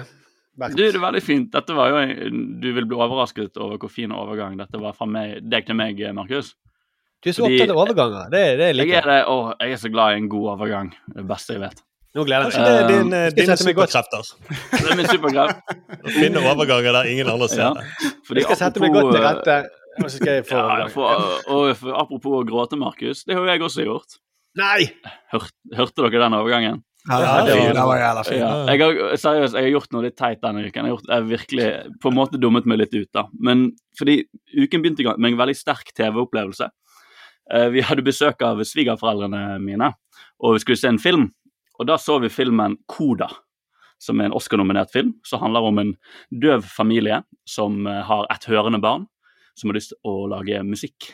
Og det som er litt spesielt med denne, er at svigerforeldrene mine også er døve. Og eh, samboeren min, hun er i den situasjonen. Hun er hørende. Uh, og det var en utrolig sterk filmopplevelse å få se den filmen uh, med de. Uh, fordi det var, utro, det var altså, representasjon da, på høyt nivå. Du, verdien av å bli representert var veldig tydelig. De kjente ikke seg igjen i de små faktene, de store poengene, følelsene. Disse skues, de døve skuespillerne er helt fantastiske. Veldig morsomt, utrolig rørende. Og selvfølgelig til slutt så satt vi alle og bare gråt. For det var «Å, herregud, det er så fantastisk. Her er det så mange nivåer på en gang. En veldig fin film. Men det startet en liten prosess i hodet mitt som uh, Fordi vi hadde snakket om gråting på podkasten forrige gang òg. Vi er Mm. gråtepreik. Ja. Og da ble jeg litt Mm. opphengt, for vi snakket om det med å bli far og gråte. Og så var jeg litt sånn, hadde det vært litt kult å gjort litt sånn et eksperiment nå, hvor jeg fant ut om jeg har blitt sånn følelsesmessig enda mer åpen og, og gråter mye mer når jeg ser sånne sårbare foreldregreier og sånn. Så jeg tenkte sånn, det hadde vært litt gøy til podkasten om jeg så en, gjorde en litt sånn emosjonell jackass og utsatte meg sjøl for en, en, eh, en sårbar film. Og så falt det en film i hodet på mitt. da, og Sturle, vil du bare spille av det lydklippet så jeg sendte deg?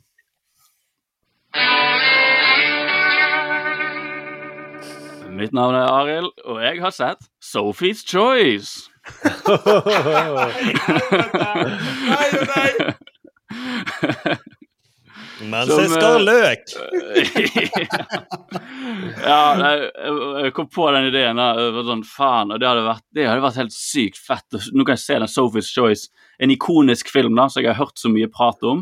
Eh, kanskje folk der ute har hørt veldig mye om den. Har dere, kjenner dere til denne filmen? Jeg kjenner til, eh, Kjenner til, jeg kjenner til begrepet. Det at hun, hun Ja. må velge mellom barna sine, hvilket barn hun skal gi Det til er akkurat det. Å, Sophie's Choice. Eh, Film fra 1982. Den er veldig kjent for begrepet da, Sophie's Choice, som er tittelen, som handler om Meryl Streep, som er i en konsentrasjonsleir og blir tvunget til å velge mellom barna sine. Hvilket ett barn må leve, et annet barn må dø. Dette var alt jeg visste om denne filmen, og jeg tenkte herregud, hvis jeg skal teste om jeg har blitt mer emosjonell av å bli far, så er det denne filmen jeg må se. Ja. Eh, og tenkte jo også det er en slags samfunnstjeneste, da kanskje, at jeg kan se denne filmen sånn at alle som hører på denne podkasten, slipper, på en måte. ja. det, Det er jo en det, ikon- det, Ja.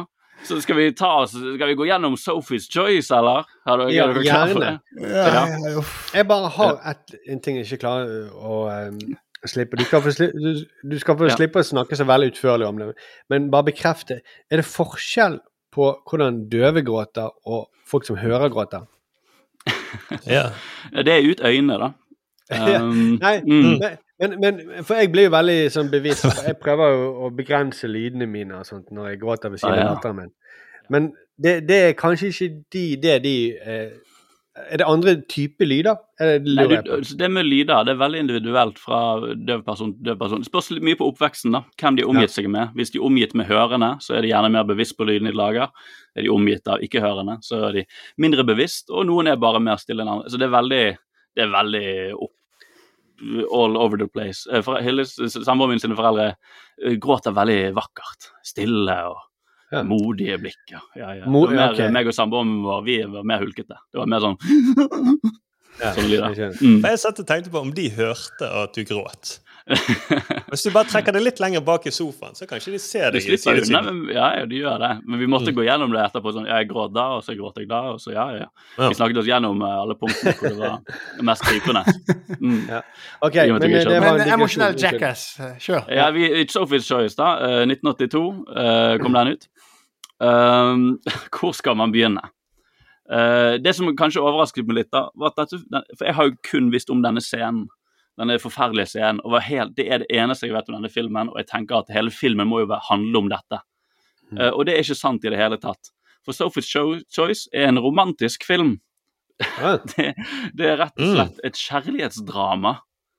Eh, det handler om en ung forfatter i 1947, rett etter krigen. Så i Jeg har sett feil film, eh, Arild. Nei, jeg trodde jo det. Først var jeg litt sånn Hva skjer nå? For det, dette er jo ikke en konsentrasjonsleir. Mm. Men få pengene mine tilbake, Apple.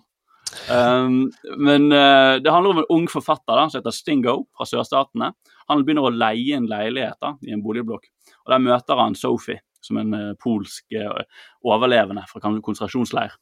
Eh, og han møter hun og kjæresten hennes, som blir spilt av Kevin Klein.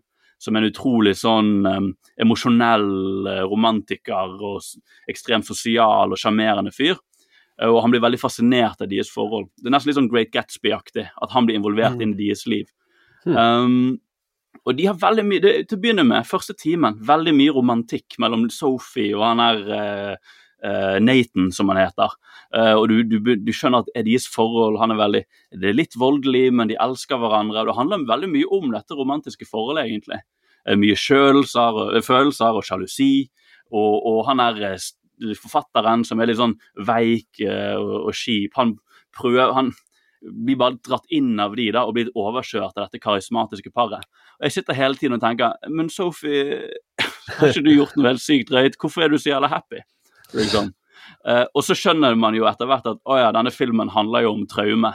Det handler om hvordan man Hva skjer etter du har gått gjennom noe traumatisk? For at Mm. alle figuren, Dette er jo rett etter andre verdenskrig, og alle figurene er så utrolig påtatt lykkelige. Og du tenker jo mer at å ja, faen, dette, dere har gått gjennom andre verdenskrig, nå har dere så sykt lyst til å være lykkelige igjen. Og du skjønner sakte, men sikkert at alle her har hemmeligheter. Alle her bærer på veldig mye sorg. Så han forfatteren finner ut at han mistet moren sin da han var veldig ung, og nå vil han skrive en bok om barndommen sin. Vi finner ut at han er Nathan, han er karismatiske eh, kjæresten, han er, eh, er jo eh, schizofren og egentlig klin gæren. Virkelig. Eh, som ikke kanskje på den mest følsomme måten å legge fram schizofreni på i denne filmen. Truer folk med pistol og vil drepe seg sjøl. Altså, eh, tar ganske av på et tidspunkt. Men Sophie, da, eh, som blir spilt av Meryl Streep, er et sånn enigma gjennom filmen. For Hun sier helt i starten at 'jeg har overlevd konsentrasjonsleir', 'jeg har mistet familien min', men du får ikke vite så mye mer. Jo mer han forfatteren graver, jo mer forteller hun, men hun, hun holder alltid tilbake. Så rundt sier en og en halv time da i filmen, da blir det faktisk et krigsdrama. Da er all kjærligheten lagt litt til siden, og da skal vi gå inn i hva hun har opplevd. Og Da forteller hun om sin tid i konsentrasjonsleir, hvor hun eh, I denne første gangen hun forteller om det, da, sier hun bare 'Datteren min, hun eh, døde veldig kjapt'. Og sønnen min han ble sendt til en konsentrasjonsleir for barn, så jeg, hele den sekvensen der handlet om å prøve å få han ut av konsentrasjonsleiren med å ligge med en tysk soldat og se om han kan liksom få sønnen ut av konsentrasjonsleir. Og det går ikke så bra, det er bare trist og tragisk. Men nok en gang, du sitter der og tenker Men Sophie, du har jo gjort noe helt drøyt, hvorfor får kan ikke vi snakke om den der scenen som alle vet om? Og den scenen den kommer ikke før helt på slutten av filmen. Når han er uh, Nathan, kjæresten, har uh, trua med å drepe henne og de må rømme fra han, da får endelig han forfatteren Han ser sitt snitt. Han blir litt fuckboy, da. Så han sniker seg inn til Sophie og sier 'Jeg er forelsket i deg. Jeg vil flytte vekk med deg. Jeg vil med deg. Hva sier du, Sophie?' Og da sier hun 'wow, wow, wow'. Uh, du vil ikke bli, jeg vil ikke bli mor igjen. Nå skal du høre, sier hun. Og da kommer denne scenen. Da kommer liksom The Choice. Det er ti minutter igjen av filmen. Um, og den scenen er så jævlig. Det er så forferdelig. Herregud. Du bare Ok, det er liksom Hun står i, i den køen, da, i konsentrasjonsleirkøen, og blir inspisert av soldater, og det er bare trist. Hun står der med de begge barna sine. Så kommer en sånn ekkel eh, tysk soldat og begynner å flørte litt med henne. Hun avviser han litt først, og så innser hun kanskje oi, kanskje jeg kan manipulere han litt, kanskje jeg kan komme på godsiden med han. Hun prøver å flørte litt med han. Han blir litt provosert av hun, og plutselig så går han bare i full psykopatmodus. Og så skjer den scenen som bare er to minutter, ett minutt, av at han sier du må, En av ungene dine må vekk. Jeg skal, du må drepe en av de, Gi det til en av ungene dine til meg. Og hun får helt panikk. Og det som er så sykt med den opplevelsen, er at hun bare hun bare gjør det uten å tenke seg om. Hun sier bare 'ta datteren min', du. Og så når hun gjør det, så vrenger magen seg, og du er sånn 'hva faen skjer nå?' Så stikker de av med datteren, og hun skriker og hyler, og det bare gråter jævlig. Og du sitter bare der, jeg, jeg måpte jo, selv om jeg visste nøyaktig hva som skulle skje. bare, Hva faen er dette for noe? Så kutter de tilbake til nåtiden, og han er Stingo, han er eh, forfatteren. Og bare sånn, ah, det var kjipt. Og så ligger de sammen, da. så han er en fuckboy, for å si det sånn. Eh, og så slutten av filmen. uh, han våkner opp og bare er klar til å ligge med henne, selv om hun har gått gjennom sykt mye traumer som delte meg, delte meg. Finner ut at hun har stukket av. Hun møtte opp igjen med han eksen, og de tok selvmord. Igjen. Oh, Så sitter du der og er bare helt sånn Hvorfor gjør jeg dette for en podkast? Hvorfor gjorde jeg dette? Hvorfor Men jeg tenkte, ikke- Før Ja. begynte å nevne Fuckboy Island, så begynte jeg også- å tenke på eh, Fuckboy Island. For der er det jo også en veldig sånn happy De begynner eh, og, og så kommer det jo fram at alle disse fuckboyene, de har jo Han ene har blitt adoptert fra Russland, og han Ja. andre har vokst opp uten sin far i gettoen. Mm. Så er derfor, har- derfor har de problemer med å binde seg. Så kommer det jo fram eh, ganske like jævlige historier da, som kanskje da eh, Det er jo, Jeg føler Sophie Choice har satt en maler for alle reality-serier. ja. er det- Men bare de topper det så jævlig. Du kan ikke toppe den der hemmeligheten hun har båret på. Uansett hva du sier i en reality-serie om at ja, 'faren min snakket ikke så mye til meg', eller en film liksom, hvor det er sånn at ah, 'Uff, jeg har trøbbel med damene'. Du kan ikke toppe Sophie, Meryl Streep, da, i Sophie's Choice. Fordi når det skjer, det er liksom det er jokerkortet av en hemmelighet. Så, og jeg synes egentlig tenkte jeg det var så rart at de ikke ville gjøre noe med det i filmen, at ikke filmen var bygget mer rundt dette valget. Men egentlig er det jo helt genialt å bare slippe det helt på slutten av Ja. filmen. Fordi de har det jokerkortet av at vi har den mest jævlige scenen, good to go. Vi sniker den inn her på slutten, og sitter du igjen og bare blir helt sånn frosset fast, da. Hva vil du pitche Sophie's Choice-ideen til meg? Nei, nei, nei. Nei. Jeg, jeg, jeg vil Forferdelig film. Ok, Så, ok, Thomas, vi, Folk er veldig interessert i annen verdenskrig, OK? Og ja, i vi barna trenger sine, dette. Men, men det, Ja, det, det, det, nei, det er helt eh, For en, for en jeg, jeg vil si, jeg vil eh, rette en stor takk til Arild, som har sett Ja. den der for Ja, alle oss andre som aldri kommer det til å se si, den. Nei, nei, Ja. Men så skuffende tenk så skuffende for folk da, hvis de går inn og så bare Det er en romantisk film. og alt er bra den første timen, ut fra hva du forteller, Arild. Ja, ja. Og så plutselig bare Å, herregud. det, er- det kan, tips jeg kan gi deg da, hvis du har lyst til å se han Hvis du ser han i 1 time og 20 minutter og slutter der, Ja. har du sett en kjærlighetsdrama med en liten trekant, så det kanskje, du vet ikke helt hvor det vil gå med, men du, du får nok romantikk og fine følelser. Stopp filmen der. For neste timen og åtte minuttene, da blir det krigsdrama, og da blir det, oi. er vi rett inn i Auschwitz, og det er det jævligste, liksom. liksom. gud Ja, bedre. så det, men det er tipset, da. 1.20, da ser du en romantisk komedie. Da, det er fredagskvelden, og så er du ferdig. Men Hvis det ikke vil se det. Nå Det er som å se før Gordon Gekko ble arrestert. ja. Alt går opp, opp, opp. Jeg, jeg, jeg er- sitter nå og føler på at det kommer til å komme et uh, reality-konsept basert på dette premisset her. At Ja. man må ta noen sånne helt umulige valg. Ja. Så blir det sånn her eh, Bernt Hulskers valg. Ja. Skal du velge Morten Ramm, eller skal du velge, velge Trygve For du sitter jo sånn Jeg ser for meg litt de som så denne på kino liksom i 1982, og ikke vet om valget hennes. De vet ingenting om. De må sitte hele filmen og tenke sånn Ja, men hva er det hun skal velge? Er, det, mellom, er det ikke guttene? Jeg skjønner ikke. Fordi det ligger det, det, det, er liksom, det er egentlig bare en veldig straightforward, forward, romantisk Og det er selvfølgelig krigen er vevd inn i det, og det er liksom krigstraumer og sånn i det, men det, det ligger veldig på underflaten. Helt til slutten, da. Hvor du, oh, ja, jeg bare, ja. Den daten du blir tatt på da i 1982, tror jeg ble ganske ødelagt.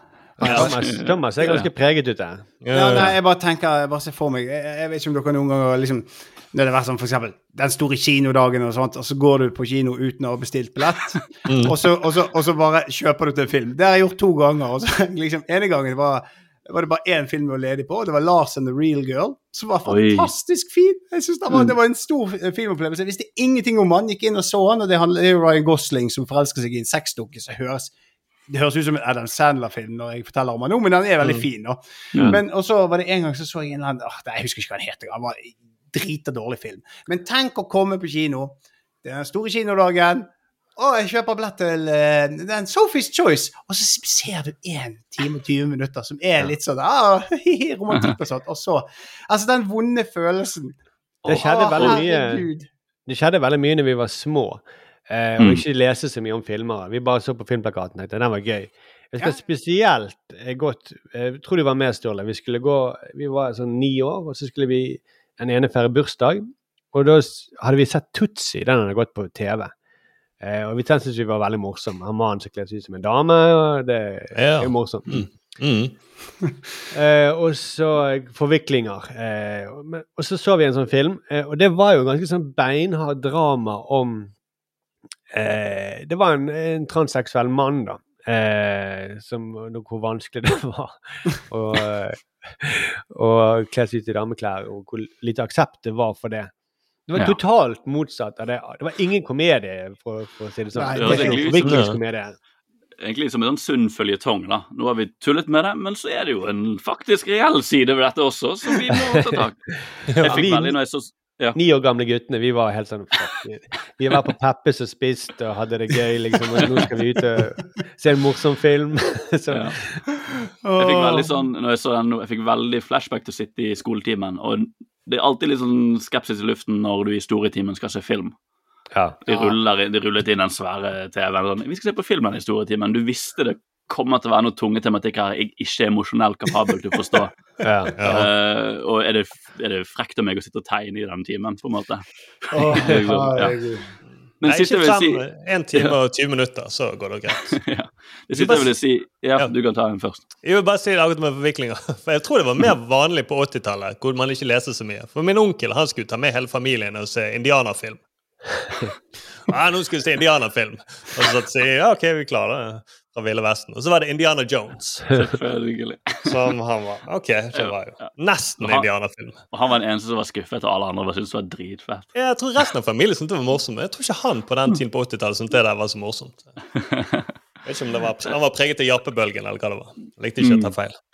Altså Det siste jeg bare vil si om Sophie's Choice, da, som var litt sånn Det var litt digg å se en sånn gammeldags annen verdenskrig-film hvor nazistene bare blir fremstilt som jævlige psykopater. Det var sånn Ja. Litt digg å bli minnet på hvor jævlige nazistene var. For det var det så mye mer av i film før. De var virkelig opphengt sånn de var de, Dette de, var de ondeste menneskene noensinne. Å få den refresheren der, det var litt digg. For, Det er så deilig å ha noen å hate, sant? sånn som Jokke synger. Og det å få de der eh, nazistjævlene på skjermen og bare Å, jeg hater, jeg hater nazister mer enn noensinne. Ja. Eller mer enn jeg har gjort på lenge. Lenge. Bra. Så du, en, du ender med anti-nazi nå enn du noen gang har Jeg ble faktisk, om det var mulig, uh, å bli litt mer irritert på nazistene. Ja. De, de, det har jo vært en tendens til å menneskeliggjøre dem og liksom forstå dem de Det er mer. jo- For, for, Det er jo en trend nå hvor man skal ha mer humor og sånn på nazistenes bekostning. det også. Ja. Ok, Ståle, vi må uh, gå i gang med din TV-uke. Ja! Det kan vi godt gjøre. Eh, jeg har ikke sånn smooth overgang, for det er ikke min superkraft. Men jeg har sett den eh, nye Kanye West-dokumentaren. Oi! Gen ja, Genius Kanye-trilogi. Apropos det er deilig å ha noen å hate. Ja. Ja, ja, ja. ja. Vær så god, vær så god, Ja, vær så god. overgangene. Ja, ja, Men samtidig så ser, ser man at ja, de er litt mer komplekse enn bare det rene hatet man har for den personen.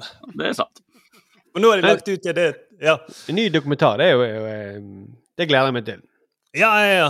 Det er, den kom i, på onsdag, ble den sluppet ut. Den første episoden. Og da er det jo Kanye West når han er på sitt mest sympatiske. For da tar det helt begynnelsen. Uh, det handler om at Kanye West er, han er liksom Hele dokumentaren handler om at han er fra, som produsent, har laget beats til JC, Blueprint, som ble gigantisk, og så ender han opp som den gigantiske artisten han er nå. da. Apropos, jeg hørte Blueprint helt tilfeldig om igjen for noen dager siden. Det er Ja. jo et helt fantastisk album. Det er et utrolig bra album. Ja, det er faktisk det. Det er Mm. helt uh, Jo, ja, det er det. Og da var jo han Kanye Er ikke du enig, Thomas? Thomas? Thomas, syns du vi har mistet deg, Thomas? Syns du du har Thomas eh, gikk på do. Ja. Mm. Dårlig pitch, Thomas. Dårlig pitch. Du må være med publikum. Jeg hørte Kanye West og bare Da går jeg på do. Da, da løper han og gråter litt. Grann. Men det som er gøy med den dokumentaren Mye som er gøy da Men Kanye West er jo ikke kjent Han er jo en crazy fyr. Men det sykeste er egentlig han som har laget den dokumentaren. Mm. En som heter Coody. Han begynte som TV-reporter, intervjuet hiphop-miljøet i Chicago. Og siden da Kanye West var produsentene til de fleste der, så bestemmer han Coody seg for å lage en dokumentar om Kanye West i 2002. Han begynner å filme uten at det skal noe sted. Han bare begynner å filme. Så han setter sin egen karriere som TV-rapport og som standup-komiker. Da bare setter han permanent pause. Så Dette er veldig tydelig framtredende i filmen, liksom han eh, Ja, han sier det sjøl. Ja. Han, Mm. sier, ja, han sier det. Han sier at 'jeg stanset min karriere', stoppet den. Eh, du får se at han er på scenen som standup-komiker. Og så, når Kanye West flytter fra Chicago til New York, så flytter han også. Hmm. Og han er jo han, Kanye West var ikke noe stor da, han har laget beats, men, Men det her, var det. Da har du øyne på ballen, for å si det sånn, som eh, dokumentar. eh. Men det jo, har jo vært historier Alle i, sånn, i hiphop-verden som har møtt Kanye West før i tiden, har jo, alle har jo en historie om han. At han var en syk, altså den mest karism, ikke karismatiske, men han kom inn i rommet, og han var helt ukjent, og ingen visste om han, og han bare oppførte seg som en gud, og at han var den beste av alle. At han hadde hatt sånn bravado siden han begynte. da. Kommer, Ja. Det kommer fram. Ja, det kommer ikke så mye fram. Eller jo, han har jo det. Altså, de, Alle digger jo beatsene hans. Mm. Og alle rapperne sier det. lage, 'Hvorfor lager ikke du beats til meg?' Du må lage beats til meg. Mm. Uh, sånn, uh, Men nei, de burde egentlig laget en dokumentar om han og Coody i seg sjøl. Bare hvor gal han egentlig er. Og bli med han her. For det, det, det som er fint å se I den første platen til Kanye West så har han en, jeg tror det er den siste sangen heter 'Last Call'. Hvor han egentlig snakker om eh, sin eh, reise. Så, så man vet jo allerede litt om hva som har skjedd, iallfall i den første episoden. Men nå får du se all motgangen han har. At det går aldri så fort som han tror. Mm. Men han er høy på seg sjøl. Han sier jo sjøl at okay, det er kanskje litt narsissistisk å ha en, eh, en som driver en dokumentar om meg. Mm. Er er ikke du enig, Thomas? Ja, det er noe du kan kjenne igjen i, Thomas? ja. Nei. Thomas, jeg begynner å fortelle om min TV-uke, så bare reiser du deg opp av stolen, og så går du. Og så forsvinner du. Eh, Jeg, jeg, jeg Ja, jeg, jeg har jeg har gått litt på overtid, og jeg måtte bare gi beskjed at vi er litt forsinket. Thomas, pitch hvorfor du gikk. Nei. Fordi jeg jeg- har en arbeidsgiver. Ja, ja. Ok, jeg skal speede opp litt, men det er gøy Ah. at Kanye West han reflekterer litt over at ok, det er kanskje litt narsissistisk at uh, jeg har med meg en uh, fotograf, liksom. Når jeg uh, Mm. Ok, jeg er bare i begynnelsen av 20-årene. Altså. Det er som om vi skulle hatt med oss en forfatter da vi var 24. Altså, ja, ja, han, han er med oss overalt. Han skriver biografi om meg. Så bare, uansett hvor jeg er, så er han med, så jeg noterer han det. Det er jo sikkert litt rart, ja. Mm, men, men, Men det er jo litt kan- sånn det Ja. Jo, jo. Det, for i hvert fall i episoden da, så flytter han til New York. Prøver det Kanye West har lyst er å bli en rapper, men ingen som vil signere han. Ingen i sjefene oppe i systemet har noe tro på han, tror ikke at han kan selge plater i det hele tatt. De bestemmer seg for at han er en produsent, han er ingen rapper. Og Den frustrasjonen som jeg tror han opplever, det tror jeg veldig mange som kan kjenne seg igjen i. Iallfall vi, da. Mm. Som har, har en, du har lyst til å oppnå noe. For eksempel, å slå gjennom som komiker eller musiker, og så møte den frustrasjonen at det går ikke sånn som man håper, eller i det tempoet man håper på i det hele tatt. Og at noen, eh, noen sjefer oppe i bransjen forhåndsdefinerer. Det er jo veldig vanlig i underholdningsbransjen at man sier sånn Mm. ja, 'Du er en sånn skuespiller, du. Eh, så du kan ikke spille det, eller?' Så det, det er mange som blir forbanna på det. 'Nei, jeg skal vise deg. jeg kan, Ja. jeg kan mer enn være Jeg kan også spille i Pulp Fiction. Jeg trenger ikke være i John Travolta, for eksempel. Eller, Mm. Ja. Eller, også, eller også litt sånn Det er ikke deg vi ser etter akkurat nå. Fordi Ja. nå, har vi en, nå har vi en greie på gang her med folk som ser sånn ut og gjør akkurat dette her. Ja. Og du er ikke sånn, så du må Ja, har ingen plass. Du må enten du må late som at du er noen andre. på en måte.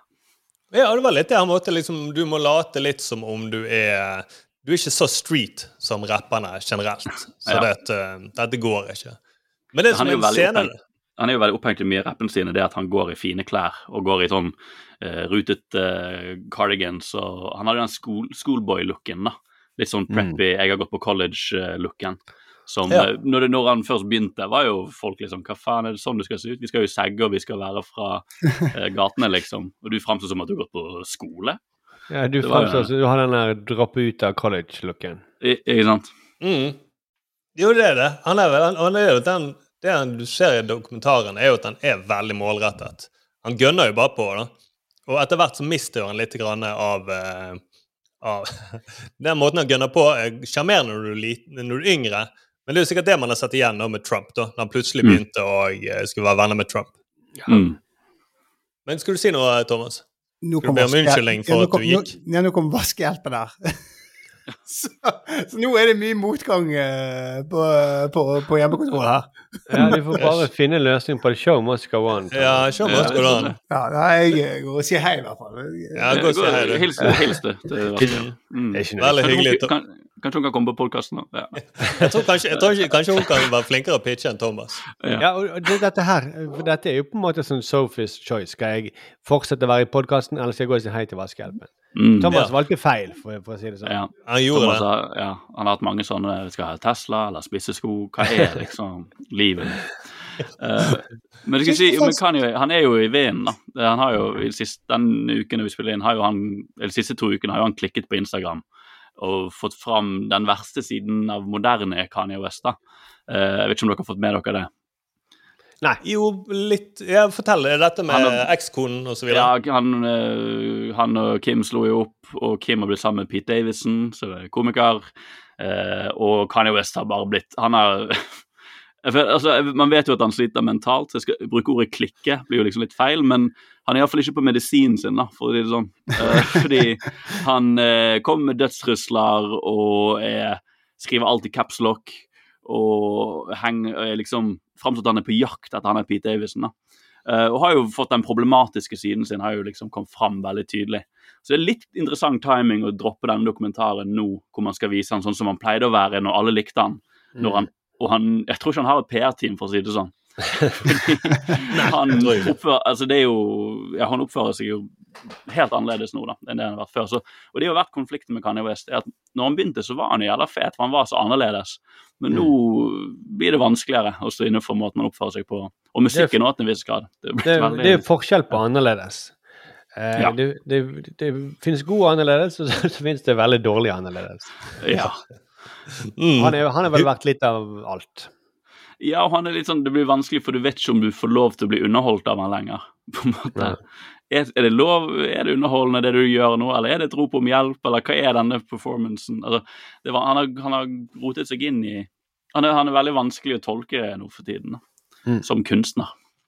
Mm. Jo, jo, men du Mm. er med det. Og for nå har de bare sluppet den første episoden, eh, Mm. hvor eh, rett Det slutter vel med at han blir eh, signert.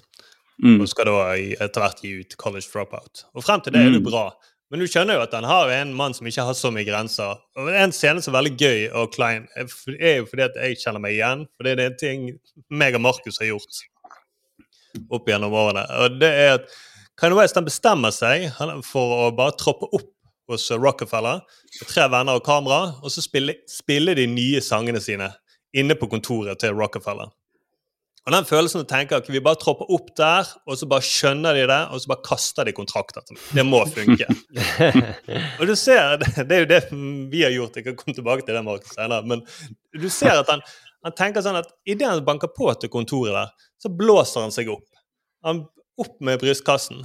Og så går de inn, han og crewet inn, men de går ikke inn i noe studio eller til sjefskontor. De bare går inn i en vanlig kontoravdeling med masse vanlige kontorer. Og så blir det som en sånn litt office-stemning. At Michael Scott har en plan, bare går inn der, gjør det, men det funker ikke. Fordi det Kanye West gjør, at han går inn på kontorene, setter på sangen, og så begynner han å rappe inne på kontoret mens folk sitter i telefonen. Og så står han og rapper folk opp i trynet mens de sitter på telefonen og prøver å snakke og ha en samtale med noen. Og så gjør han det på ett kontor, og så går han til neste kontor. Bort med boomblaseren, setter på sangen en gang til og begynner å rappe opp i trynet deres. Og så gjør han dette, fortsetter, og til slutt så er det en da som bare sier til kameraet stopp, stopp filmingen. Og så er det et hardt kutt til Kine West og crewet som går sånn slukøret fra kontoravdelingen ut til Curb-musikk. Ikke helt Curb-musikk, men det er virkelig sånn. altså det er sånn. Ja. Og det, jeg husker, Vi har jo tenkt at Vi spilte jo inn en radiopilot til P3 når vi var ja, vi var vel 24. Mm. Og vi brukte mer tid på å lage video som ikke har noe med radiopilot å gjøre. De har ikke bedt om det engang. Men vi laget en sånn tullevideo som skulle presentere oss, og vi brente DVD og brukte mest tid på det. For vi tenkte at hvis det hvis de ser den DVD-en som er jævla morsom, så Ja. må de gi oss en kontrakt med en gang. Jeg husker vi, du, du var på bowling på den DVD-en, og du eh, Han som kjørte buss, eh, Ja. og så, så snakket om at han hadde en usy, usynlig skappe. Jeg husker ikke helt hva poenget var med det. Nei, for det var noe vi syntes var morsomt i klippen. Vi skrev inn Bjørn sitter, han andre treimann, han sitter og til buss, og så skriver vi inn fordi vi syntes det var morsomt. Bjørn tror han har en kappe som gjør han usynlig. Altså, det, jeg skjønner at det ikke den Det blir ikke radio på dere, altså? Nei, og jeg er veldig glad for at ikke vi ble signert, for da hadde vi sikkert endt opp som Kanye West. Ja. Ja. Mm. Man skal ha litt motgang. Ja, man skal ha litt motgang. Ja, men jeg synes det er det som er så fint, er at du får se den motgangen. At det går virkelig dass. Men han gønner jo bare på. Og det var en scene Du skal ikke snakke for mye om dette, men det var en scene som fikk meg til å tenke på deg, Thomas. OK? Ja, for det kan- Kanye Kanye West han fikk endelig lov til å være med i en musikkonferanse i hjembyen Chicago. Mm. Og Da var det store artister og produsenter som er der. Og så når Kanye West blar gjennom programmet, så ser han at de rett og slett ikke gidder å skrive navnet hans eh, riktig. Say right? I got Terje Jermaine tenker du Dupri. på nå? My dog right there, Steve Still Curly, Kanye. Now, who the fuck is Kanye? I specifically told them, they said, what is your stage name or whatever the shit, your professional name? Kanye West. Then I heard the commercial, they was like featuring Chicago's very own Kanye. Mm, det var jo en Thomas, en sjef i NRK som var sjefen din. Han gadd ikke lære seg fornavnet ditt. For, han trodde at du ikke er Thomas, men du er Terje. Og da har du jobbet der lenge. Det hadde vært dette. Dette var da hadde jo meg og Tonje sluppet ganske mange sketsjer. Det var vel en av de som gikk ganske viralt. Jeg lurer på om det var Livets skole, eller kanskje det var Absolutt jul. Men det var i hvert fall stor gratulasjon til Tonje og Terje. Så den, den svei jo litt, da. Det gjør jo det. Selv kan jo jeg si at ok, jeg bør jo egentlig ikke bitche klage over dette, for jeg har alltid drømt om å være med på denne musikkonferansen. Men det er bare de små tingene som du tenker "Ah, faen, folk bryr seg ikke. Det var ikke sånn du så det for deg når du skulle jobbe i NRK, Thomas? Nei, nei, absolutt ikke. Men eh, det var jo stas å gjøre det igjen som uh, jeg Uh, nå sa jeg det ved feil, gjorde jeg det? Ja, det ble, ja, uansett. Han heter jo, nå heter han jo Yay, da. Han har byttet navn Ja, igjen. stemmer det. Til å hete Yay. Men det det er jo- han om i Det er ganske stor forskjell fra, fra den lille feilen til Terje og Thomas. da. Det er jo Ja, det vil jeg si. ja, ja. Det bryr du deg virkelig ikke. Men, men du kan det spørs hva person det er, da. Hvis du vet at det er Thomas, så kanskje ikke det er så stor feil. Men du kunne jo også kalt deg Du kunne kalt deg selv for jeg, du, Terje. Terje. Ja, det, yay. Jeg vil si at du ser mer ut som en Terje enn Thomas, faktisk. Oi, ja, det kan jeg ikke Ta det som kompliment. Ja. Ja. Jeg tror ikke Terje er så flink til å pitche, egentlig. Hvis jeg ser for meg Thomas i markedsavdelinger og andre steder i reklame, han kan pitche. Nei, ok, greit, greit. Jeg, Men jeg gleder meg til neste episode, for da begynner jo downfall. Det går oppover på en måte med karrieren hans, men det er jo da han begynner å bli mer og mer eh, Jeg liker at du relaterer deg så mye til Kanye West, Sturle. Det var en fin side av deg som vi ikke har sett før. Å ja, har ikke du det? Ja, nei, det er hyggelig. Det skal, det skal jeg være litt bevisst på nå. Ja, ja, ja. Så kan du se, begynne å se på far, etter faretegnet. Jeg skal ikke bli sammen med eksen din. Jeg skal ikke bli sammen med eksen din, Det er veldig viktig. kjenner jeg. Når du ser at jeg begynner å skrive ting i capslock, så vet du at er ikke Lolle er jo Kanye West.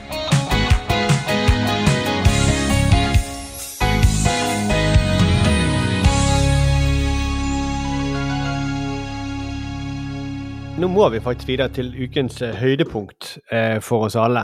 Eh, fordi vi har jo alle sammen, på oppdrag fra deg, Sturle, Ja. sett 71 grader nord Team. Ja, Mm. Ja. det har vi. Og jeg har aldri sett 71 grader nord før. Nei, ikke jeg heller. Ikke jeg heller. Du var litt nervøs, du, Markus. Du, ja, ja. Jeg, hvorfor er jeg den som har sett det grader nå? På, det hadde overrasket meg selv. Um, nå, jeg ble helt satt ut av at dere ikke har sett 71 grader nord, av en eller annen grunn. Men du var jo litt er nervøs, du, du var litt nervøs du, Markus, fordi du var kanskje litt stolt over aldri å ha sett 71 grader nord? Ja, jeg var litt sånn OK, Ja. det, er ikke, det er ikke en del av min identitet. Jeg er han som Ja. jeg, Tvert Du er han som er Fuckboy Island og jeg har aldri sett Jeg er han som aldri har sett 71 grader nord. Jeg er han som ikke har lappen. Det skal liksom være forblive meg resten av livet. Det er På ukanten av samfunnet. Litt sånn Ja, litt sånn uh, Kanye West, at han går sine egne veier. Ja. Ja. Men, men jeg føler at uh, altså, For det er jo også Det er en liten prestasjon, og jeg aldri har sett noe av det. Fordi det er jo Mm. De reklamerte en stund med at det var den, den eh, mest lengstlevende reality- reality-serien i verden. mm. Nå sier de en av de mest lengstlevende, for den, har- men den har Mm. gått hvert år siden 99. ja, og alle sesongene ligger ute på Discovery, faktisk. Oi, shit. Uh, Iallfall av kjendisversjonen. Så du kan finne ut hvem var kjendis i 2010. Det er en Ja. gøy liten ting. Hvis du kjeder deg. Da kjeder du deg. Ja. Det skal jeg gjøre til neste podkast. Da skal vi kose. Mm. Men jeg har ikke noe å sammenligne med, da. Jeg har ikke, det er det som er problemet. Bare andre reality-serier. Ok. Ja, er Så nå er, det. jeg som er ekspert, nå er det jeg som er eksperten til 71 grader nord, plutselig. Men Ja. dette er sånn som jeg forstår det. Det så er jo på. Men sånn som jeg har forstått det, Arild, nå, så- du som er eksperten Dette er Mhm. første gang de gjør det på denne måten, sånn parmessig. Det kan jeg si med 110 sikkerhet, Thomas. Ai, ai, ai, det er Ja, så- alle. Eh, Bra dette er ekspert. første, ja, første gang de gjør det. Teams, det virker jo som at de har De har tatt tak i tidligere deltakere da, i Kjendis. Og det virker som de har vært litt opphengt i å sette sammen folk som har en eller annen relasjon til å være aktive eller ute i naturen denne Ja. gangen. Det har ikke nødvendigvis vært like interessert i før. I kjendisversjonen er det mer bare hvilke kjendiser eh, kan vi få ut av kontraktene sine til å være med. Og, så, og vanlige folk-versjonen er det kanskje litt aktive mennesker, men det er ikke det at de liksom er det er ikke Lars Monsen på en måte de har pleid å invitere. Nå virker det som at de var litt mer opphengt i at dette er folk som har en eller annen relasjon til å være ute i skogen. Men OK, Mm. det, det, det er jo en del eh, det, Altså, det er Jon Almås som er med. Han er med på alt TV Norge Mhm. lager. Mhm. Eh, Han vant det- jo 71 grader nord. Ja, det. Å, ja, det visste jeg ikke. Fire team, eh, fire lag, da. Så Jon Mm. Almås og Adam. Adam Kjølberg, ja. Din Ja, venn, de er eh, team. Thomas. Hm? Din venn, eh, Thomas. Yes. Så jeg har jo uh, inside information på dette. Å, det er jo spennende. Og så er det andre teamet. Det er Thomas Alsgaard og hun Hva er det hun heter? Elisa Røtterud. Røtterud. Ja, hvem er det? Hun var fra Robinson, var det det? En av de første Robinson. Ja, Mm. hun, var, ja, hun var old school, rett og slett. En gammel kjendis. Okay. Og så ble hun eh, Så hadde hun en stund hun hadde noe sånn her moteprogram eller skiprogram på TV3. Hun var Mm. Ja. Men så forsvant hun. Ja, ok. Ja. Og så er det Vita og, Vita og Wanda. Ja, nå er hun tilbake. Vita og Wanda, de to tvillingene som har vært med Lars Monsen. Og Mhm. så kommer det alltid noen, og det er fordi at jeg er så gammel, så kommer det noen som jeg aldri, aldri har sett før. Ja. Ja. Lag Victoria- kjedelig. Ja. Victoria og Safari. ja. Ja. Ok, da er du Safari. Han er YouTuber. Han Mm. reiser rundt. Han har gjort mye sånn uh, Reiser rundt i Norge uh, fordi han eh, har ikke vokst opp her, da, og da ser han Norge med veldig friske og morsomme øyne. Veldig karismatisk fyr. Om Victoria var med på Norges tøffeste, var det det het? Det som gikk på NRK. Ja, ok. Han er Isak, oh. som, ja, han Isak da, som nå har blitt litt kjent, vant det programmet. Og hun var litt, hun og Isak hadde en greie, så vidt jeg husker. Men hun, hun, hun var ganske irriterende på det. Husker jeg hun, hun var slitsom, husker jeg. Og det syns jeg hun var nå også. Jeg synes hun virker Ja, som en slitsom person. Ja. Ja. Mm. Jeg dømmer hun bare pga. dialekten. Hun har en sånn dialekt som splitter landet. Hun har en sånn, li hun har sånn Listhaug-dialekt. Som enten tenk- så er det veldig pro, eller så Jeg tenkte veldig på det når, eh, hvis du blir med i et sånt program, og du vet at de skal sette sammen team. Nå har en produksjon sittet og de skal sette sammen lag.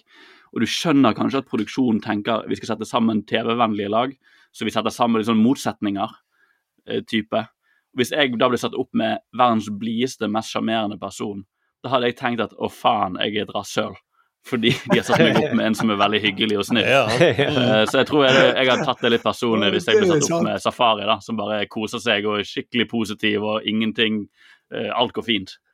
Det er jo hennes feil, sånn som det framstår, er det at hun tror at eh, nord er sør, og sør er nord, når de står på med det kompasset. Og så kommer de jo fram veldig seint, og da sitter jo hun og gråter. Eh, fordi eh, når han egentlig bare på, 'Går det bra med deg?' 'Går det bra med deg?' Så bare slutt å stille spørsmål. slutt å spørsmål. og da ser du han Du ser at han ser bort på kameracrewet, liksom. med et sånn stjålet blikk. Hva er det som skjer? Jeg Prater han nå? Jeg prøver å være hyggelig. Og vi har, har liksom ikke gjort vi, første episode, vi var bare litt seint ute. Liksom det, Ja. Så den grader nå skal egentlig være ganske tøft, da. Så, Ja. ja, De starter jo med at de, de, de hopper fallskjerm, Mm. alle sammen. Så de har, de har klart det, og så skulle de gå bare to kilometer etterpå. Ja. Det var en litt tam første episode. Og litt og- bare ja. kjapt med hun Victoria. Hun, hun var med i Norges tøffeste. Litt rart at liksom Da ble hun jo spylt ned med iskaldt vann og måtte liksom Du blir jo nærmest torturert på det programmet, men hun, nå var hun litt seint ute. til å Hun komme kommer seg i episode to, da. da. hun. Og Ja, okay. hun hopper i strikk og sånn som der. Da blir hun plutselig tøff. Men, Litt mer på hjemmebane. Men jeg må bare si at eh, det var det som slo meg, som aldri har sett dette før. Det var veldig rar dramaturgi. ja. Nå, nå har jeg Ja. sett på jeg, faktisk, Min samboer prøver å se, å se på Farmen kjendis nå, så jeg sitter og ser på det. Eh, og da, både det og F-Boy Island, hvor de er så utrolig flinke til å spare de store tingene til slutten av episoden, Mm. bygger opp til det. Her begynner de med fallskjermhopp. Det er veldig rart. Og så, bare, og så kommer den kjedelige turen hvor de virrer inn på jordet med de Q-innhendingen. Og episode to òg. Ganske Ja. sånn tidlig i episoden. Så er det strikkhopp, kjempespennende, så kommer de til å hoppe, bla, bla, bla. Og så er det sånn, fisler det bare ut at de driver og går i, i marken. Men de har fått den TikTok-mentaliteten rundt klipping, hvor det er sånn det må skje noe spennende med en gang. Så har vi hooket de. Ja. Eh, Men de skjønner ikke at du må ha faktisk dramaturgi som går opp og ned, og du må bli litt kjent med disse folkene før du bryr deg om at de skal hoppe ut av et fly, på en måte. Men ehm, ja. to ting som slo meg liksom eh, Ta første episode først. Da, når de hopper ut av fallskjerm sant? Eh, fra flyen, så var det sånne store, sånne runde, klassiske fallskjermer. Så fikk jeg et sånt bilde til Band of Brothers, dere, den Mm. eh, andre verdenskrigsserien. Og så da slo det meg Når kommer reality-serien der kjendiser må liksom overleve D-dagen? Det, det, det, jeg bare Ja. den, den, den, den må På et eller annet tidspunkt, om noen år, så er den, så er den på luften.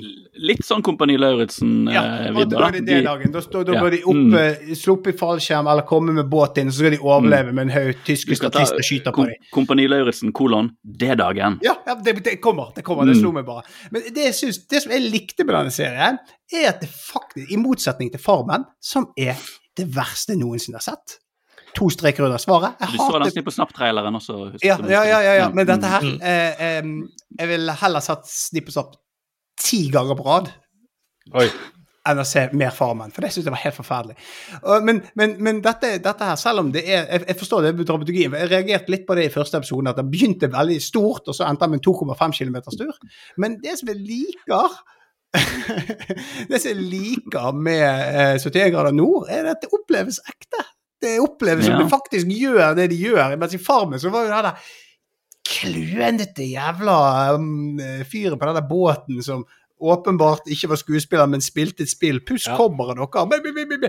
Åh, jeg- øh. Jeg er enig, og det, det er også for- forfriskende å se. Det er ikke noe sånn her uh, spillet, vi skal spille spillet. Det, det handler bare om at de må klare oppgavene. Så du slipper det kjedelige Jeg reality. syns det var ganske eh, fint med det. Og så må jeg si at for min del er jo dette her litt sånn som Jeg forstår at altså, du har jo mennesker som ser på horror- og skrekkfilmer, og så, så gir det liksom Det er liksom eh, Det er noe ved det å se sitt verste mareritt.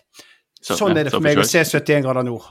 Ja. Mm. Det er mitt verste mareritt. Å gå og traske rundt i norskatur, sluppet ut Gud, å sove Og så eh, før- jeg var sånn her, og bare den første natten, og nå skal vi sove ute. Og så har ikke de telt engang. Og så må de lage båt. Jeg vet hva, Det er mareritt. Jeg bare, Gå på tur uten spisse sko, det er Hvor er Tesla-laderen? Hvor er kaffelatten? nei, men ikke jeg, jeg, Helt ærlig, det er, det er forferdelig. Jeg, for Åh, men Thomas, det er derfor det hadde vært så gøy hvis vi ble kastet i det programmet. Da hadde jeg tenkt sånn Å ja, så Ok, nå skal jeg være med en som hater å gå tur, ja. Det er jo Ja, men jeg hadde vært den. jeg hadde vært der, altså, det, altså jeg, jeg, jeg har den største medfølelsen for de som tok feil at nord og sør og gikk feil og brukte faen fire til eller fem timer på å gå to kilometer. Det hadde vært meg. Jeg hadde vært en av de. Men, Eh, jeg hadde dødd i det programmet, det kan jeg bare si med en gang. men det er så tydelig at de vet ikke når liksom, de skal legge inn de spenningskurvene. Det, det har de ikke noe godt sånn, reflektert forhold til. Eh, De har jo, For det er jo Jeg så det på nettet, men det, eh, det er jo lagt opp til at det skal komme reklame på det mest spennende. Som regel. Liksom. De sier noe fett, en cliffhanger, og så skal det være reklame. Men her var det sånn De satt og pakket ut, og så sier Jon Almaas eh, Å, vi har fått eh, snurring. Og så går det til reklame. Ja, Det er tidenes dårligste eh, cliffhanger. Men vet du hva? Eh, jeg har fått, eh, for Nå jobber jo jeg med et TV 2-program, og da var det den diskusjonen der. Skal man ha sånn oppbygging til reklamepause, eller bare kuttet det? Man har bare kuttet det. Man lager ikke Mm. lenger den, for folk ser det på strømme... Før var det sånn ja. jeg jobbet med i tidlig karriere når jeg jobbet med norske talenter, så var det sånn her Og etter pausen så kommer Baba, så skulle ha sånn innsalg hver gang. Nå har de bare kuttet det. Jeg syns det er helt jeg, jeg liker det. Jeg Ja, synes men det det- er bra og positiv utvikling. Episoden Ja, overgang der. Ja. Ja, eller, Heng meg på reklame. For jeg så jo han på Telia-appen, så det ser jo reklamen. Å ja! Og det er forferdelig. Det er kanskje derfor jeg hater den serien enda mer nå. Og I år så kommer en ny Batman-film. Det er kanskje den mørkeste på lenge. Og så hører man dette i reklamen. Oreo, stay playful. Oreo meets the Batman, the limited edition. Get your pack for a chance to win. Ai, ai, ai. Så det er Batman oh, ja, og Oreo-kjeks. Ja. Ja. Det er helt fantastisk. Mm. Men, men, ja, men kanskje det er det jeg burde gjort, Thomas. Jeg, for jeg klarer ikke å leve meg inn i at de er våte og kalde og slitne. Eh, For meg er det litt Jeg har den, fortsatt den følelsen av eh, som man har med Farmen, at det er bare på tull.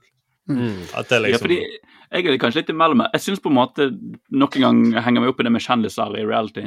At de bare de blir liksom hakket for medietrent, Mm. på en måte.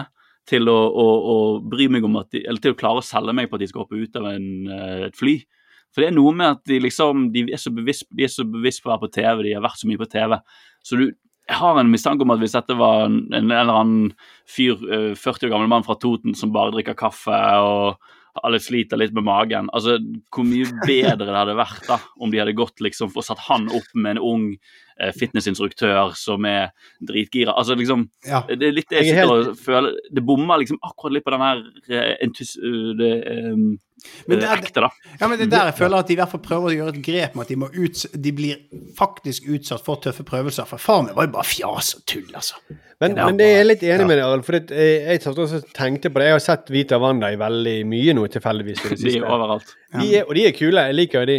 Men Mm. eh, de er såpass De vet hva de skal si på TV for å få Mm. det til å funke. eh, Men de sa akkurat akkurat de samme tingene de gjør nå som når de var på Kåss til kvelds eh, på lørdag. Mm. Og de, de snakker jo bare om eh, sitt eget forhold. At 'jeg er jo sånn, og hun er sånn, og du er sånn', Ja. og 'du blir alltid sur når jeg er sånn'. Det er bare det Mm. de snakker om. Og han, Adam Kjølberg òg er jo en vittig type, men han, hans go-to-greiene er liksom eh, Han snakker jo bare om at han er homo hele tiden. Ja. At, Oi, litt homohyl eller homogreier. Som, Jon Almaas også ble veldig opphengt i det. det Ja.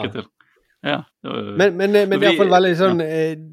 de, de er såpass De vet hva som er sin brand, og så kjører de Mm. den. Det virker litt litt, påtatt. ja, det gjør jo det. Men det var bra at de satte opp De fikk litt ekte følelser ut av Jon Almaas med å sette han sammen med en homofil mann. Da ble han så satt ut av det at eh, han faktisk eh, klarte ikke å legge det fra seg. Um, men uh, ja, nei, det, det der Kompani Lauritzen, da, de var jo veldig gode på det, fordi folk de faktisk uh, utsatte deltakerne sine for veldig intense ting, da, og folk besvimer og spyr, og det er, jo, det er jo på det nivået det skal ligge, føler jeg, hvis du først skal pushe folk på TV. uh, Det er så god TV. Folk som ja, men for Vita. Wanda, en av Vita Wanda, en av de besvimte jo i første episode av Kompani Lauritzen, så vidt jeg husker. Og da husker jeg vi var sånn Å, herregud, stakkars kjendiser. Og det er veldig sjelden jeg sier høyt. Uh, at liksom Å, herregud, og de blir kjendiser for å gjøre dette. Det var liksom sånn uh, Den eh, listen er litt der oppe, da, for min del. Ja, jeg- jeg, jeg kommer ikke til å se noe Jeg blir ikke liksom hekta på noen måte. Sånn at eh, Å nei, jeg lurer på hvem som vinner Jon Almaas og Thomas Alsgaard. Det, det blir ikke så eh, jeg, jeg må jo innrømme at jeg er jo litt farget. da, for det, altså, som Adam Kjølberg er jo en, eh, blitt en god venn, og eh, jeg møtte han jo eh, Det var vel dagen etter han kom hjem fra 71 grader nord, og han var jo Han så jo ut Altså, han var radmager og ekstremt sliten. Og eh, det var åpenbart at han har vært gjennom ganske tøffe prøvelser. Og så er jo det at det er jo, da, det er jo litt artigere å se det når du kjenner en godt i serien. Eh, så, Han er ganske vittig. Jeg syns han er faktisk ganske vittig, da. Han er er en av de som gjør det et- serien han er, han er naturlig vittig hele tiden. Sitter du og håper at han skal fortelle en anekdote om deg når han er på TV? Eh, nei, eh, nei, det gjør jeg ikke. En liten sånn «Å, Jeg kjenner jo en som heter Thomas. og Ja, han og han er sykt sånn- interessert i sånne britiske sitcoms. Men de, men alle kaller han Terje, for det er egentlig ingen som Ja, gidder å lære han seg navnet. snakker om kompisen sin Terje. Mm. Så hører du, hører du produsenten sin 'Dette kommer vi til å klippe'. Dette kommer ikke til å være med. Altså, her kunne aldri Thomas gått med de der glatte skoene sine. Her kunne alle. aldri. Så sier de bare 'klipp, klipp'. Han snakker om han har Terje igjen. Klipp det. klipp ut. Uh, vi tar heller bare og setter inn en tease om at eh, Adam går i elven med kano. Og Det driver de teaser veldig mange ganger. Det tenker jeg, det er ikke mye spennende som skjer nå. Og det føler hver det, Jeg har jo ikke sett så mye reality, så jeg får ikke så mye ute. Jeg ler jo av den der nissen i bingen. Men jeg skjønner jo nå at eh, Espen Eckbo har hengt seg opp i denne teasingen. Mm. Ja. Både, både i episode én og to så teases det med at uh, han Adam går i elven med en kano. Men det har jo ennå ikke skjedd i episode én og to.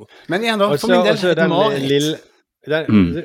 Det tises veldig mye at Jun Almaas sier eh, dette er jo sånn Brokeback Mountain. Eh, Ja. Ja, som er litt som- upassende. Han er, han er traumatisert. altså det er det mest. De kunne sendt han i trikkhopp strikkhopp. Det hadde sikkert vært mye bedre enn å sette han sammen med en homofil mann. Ja. Jeg vet ikke dette, altså. Jeg bare tuller. Jeg vet ikke dette. Ja. Nei, Men, han, han, han, eh, konkurrerer, han konkurrerer jo bare med Thomas Alsgaard. Han driter i de andre. Han Ja. snakker jo bare Thomas Mm. Alsgaard. Det er derfor han er med. Mm. Men altså, jeg Jeg, jeg, jeg, jeg syns Altså, igjen, da. Jeg, forventningene mine er jo lave etter å ha sett Farmen, som det skrives opp og ned og i mente. Og jeg, jeg kan nok Jeg kan ikke beskrive hvor fælt jeg syns det var.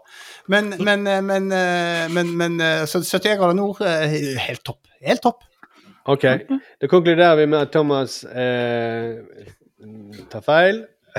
Ja, Thomas tar feil. De burde kjørt inn eh, Håvard Lilleheie og Christer Falk. Ja, da, det, det, ja, det så jeg forresten en episode av. Eh, eh.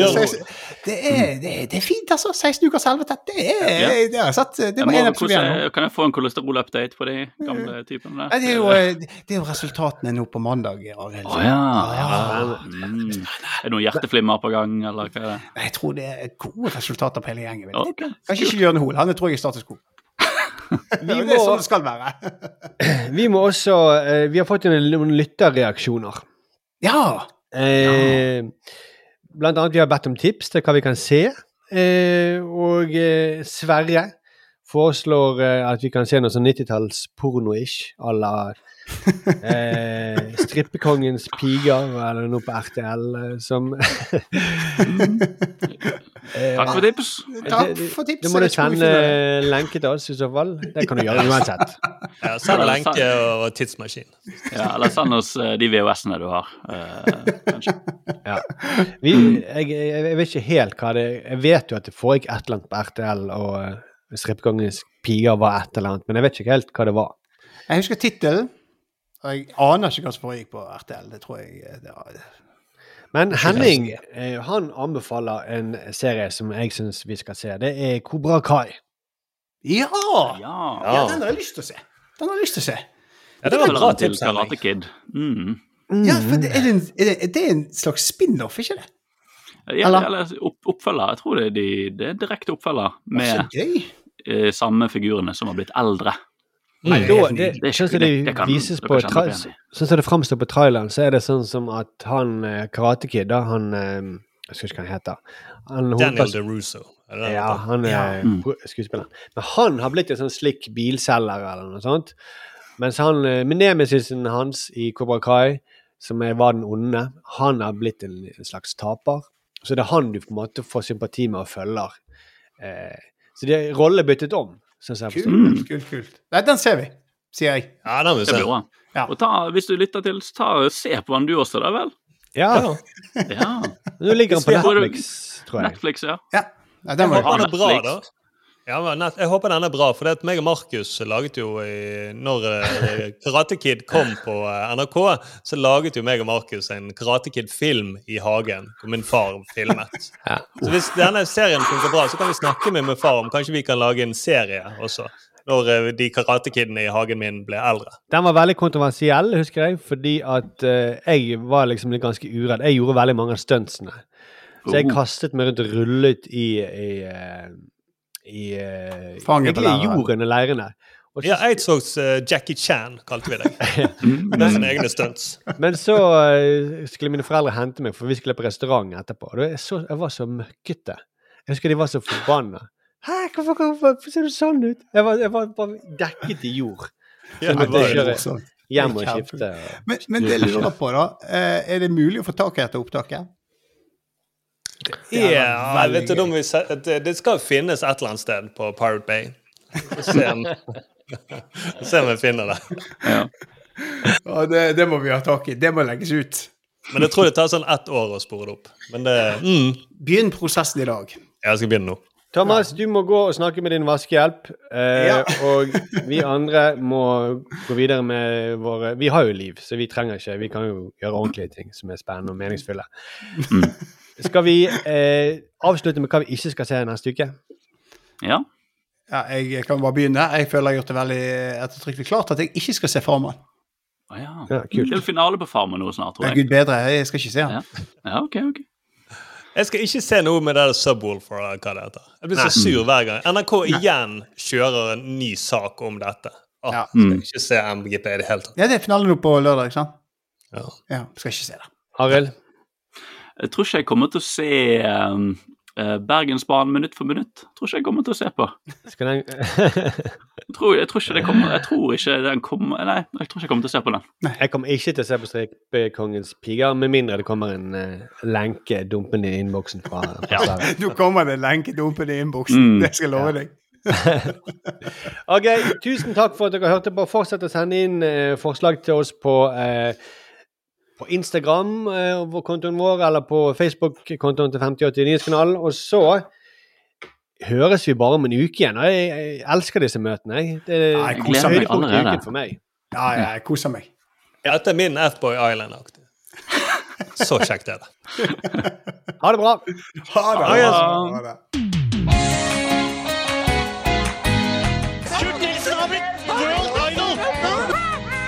Det gjør ikke Ja, jeg. brøler gjerne! Det var helt ærlig, så tror jeg ikke smakte der.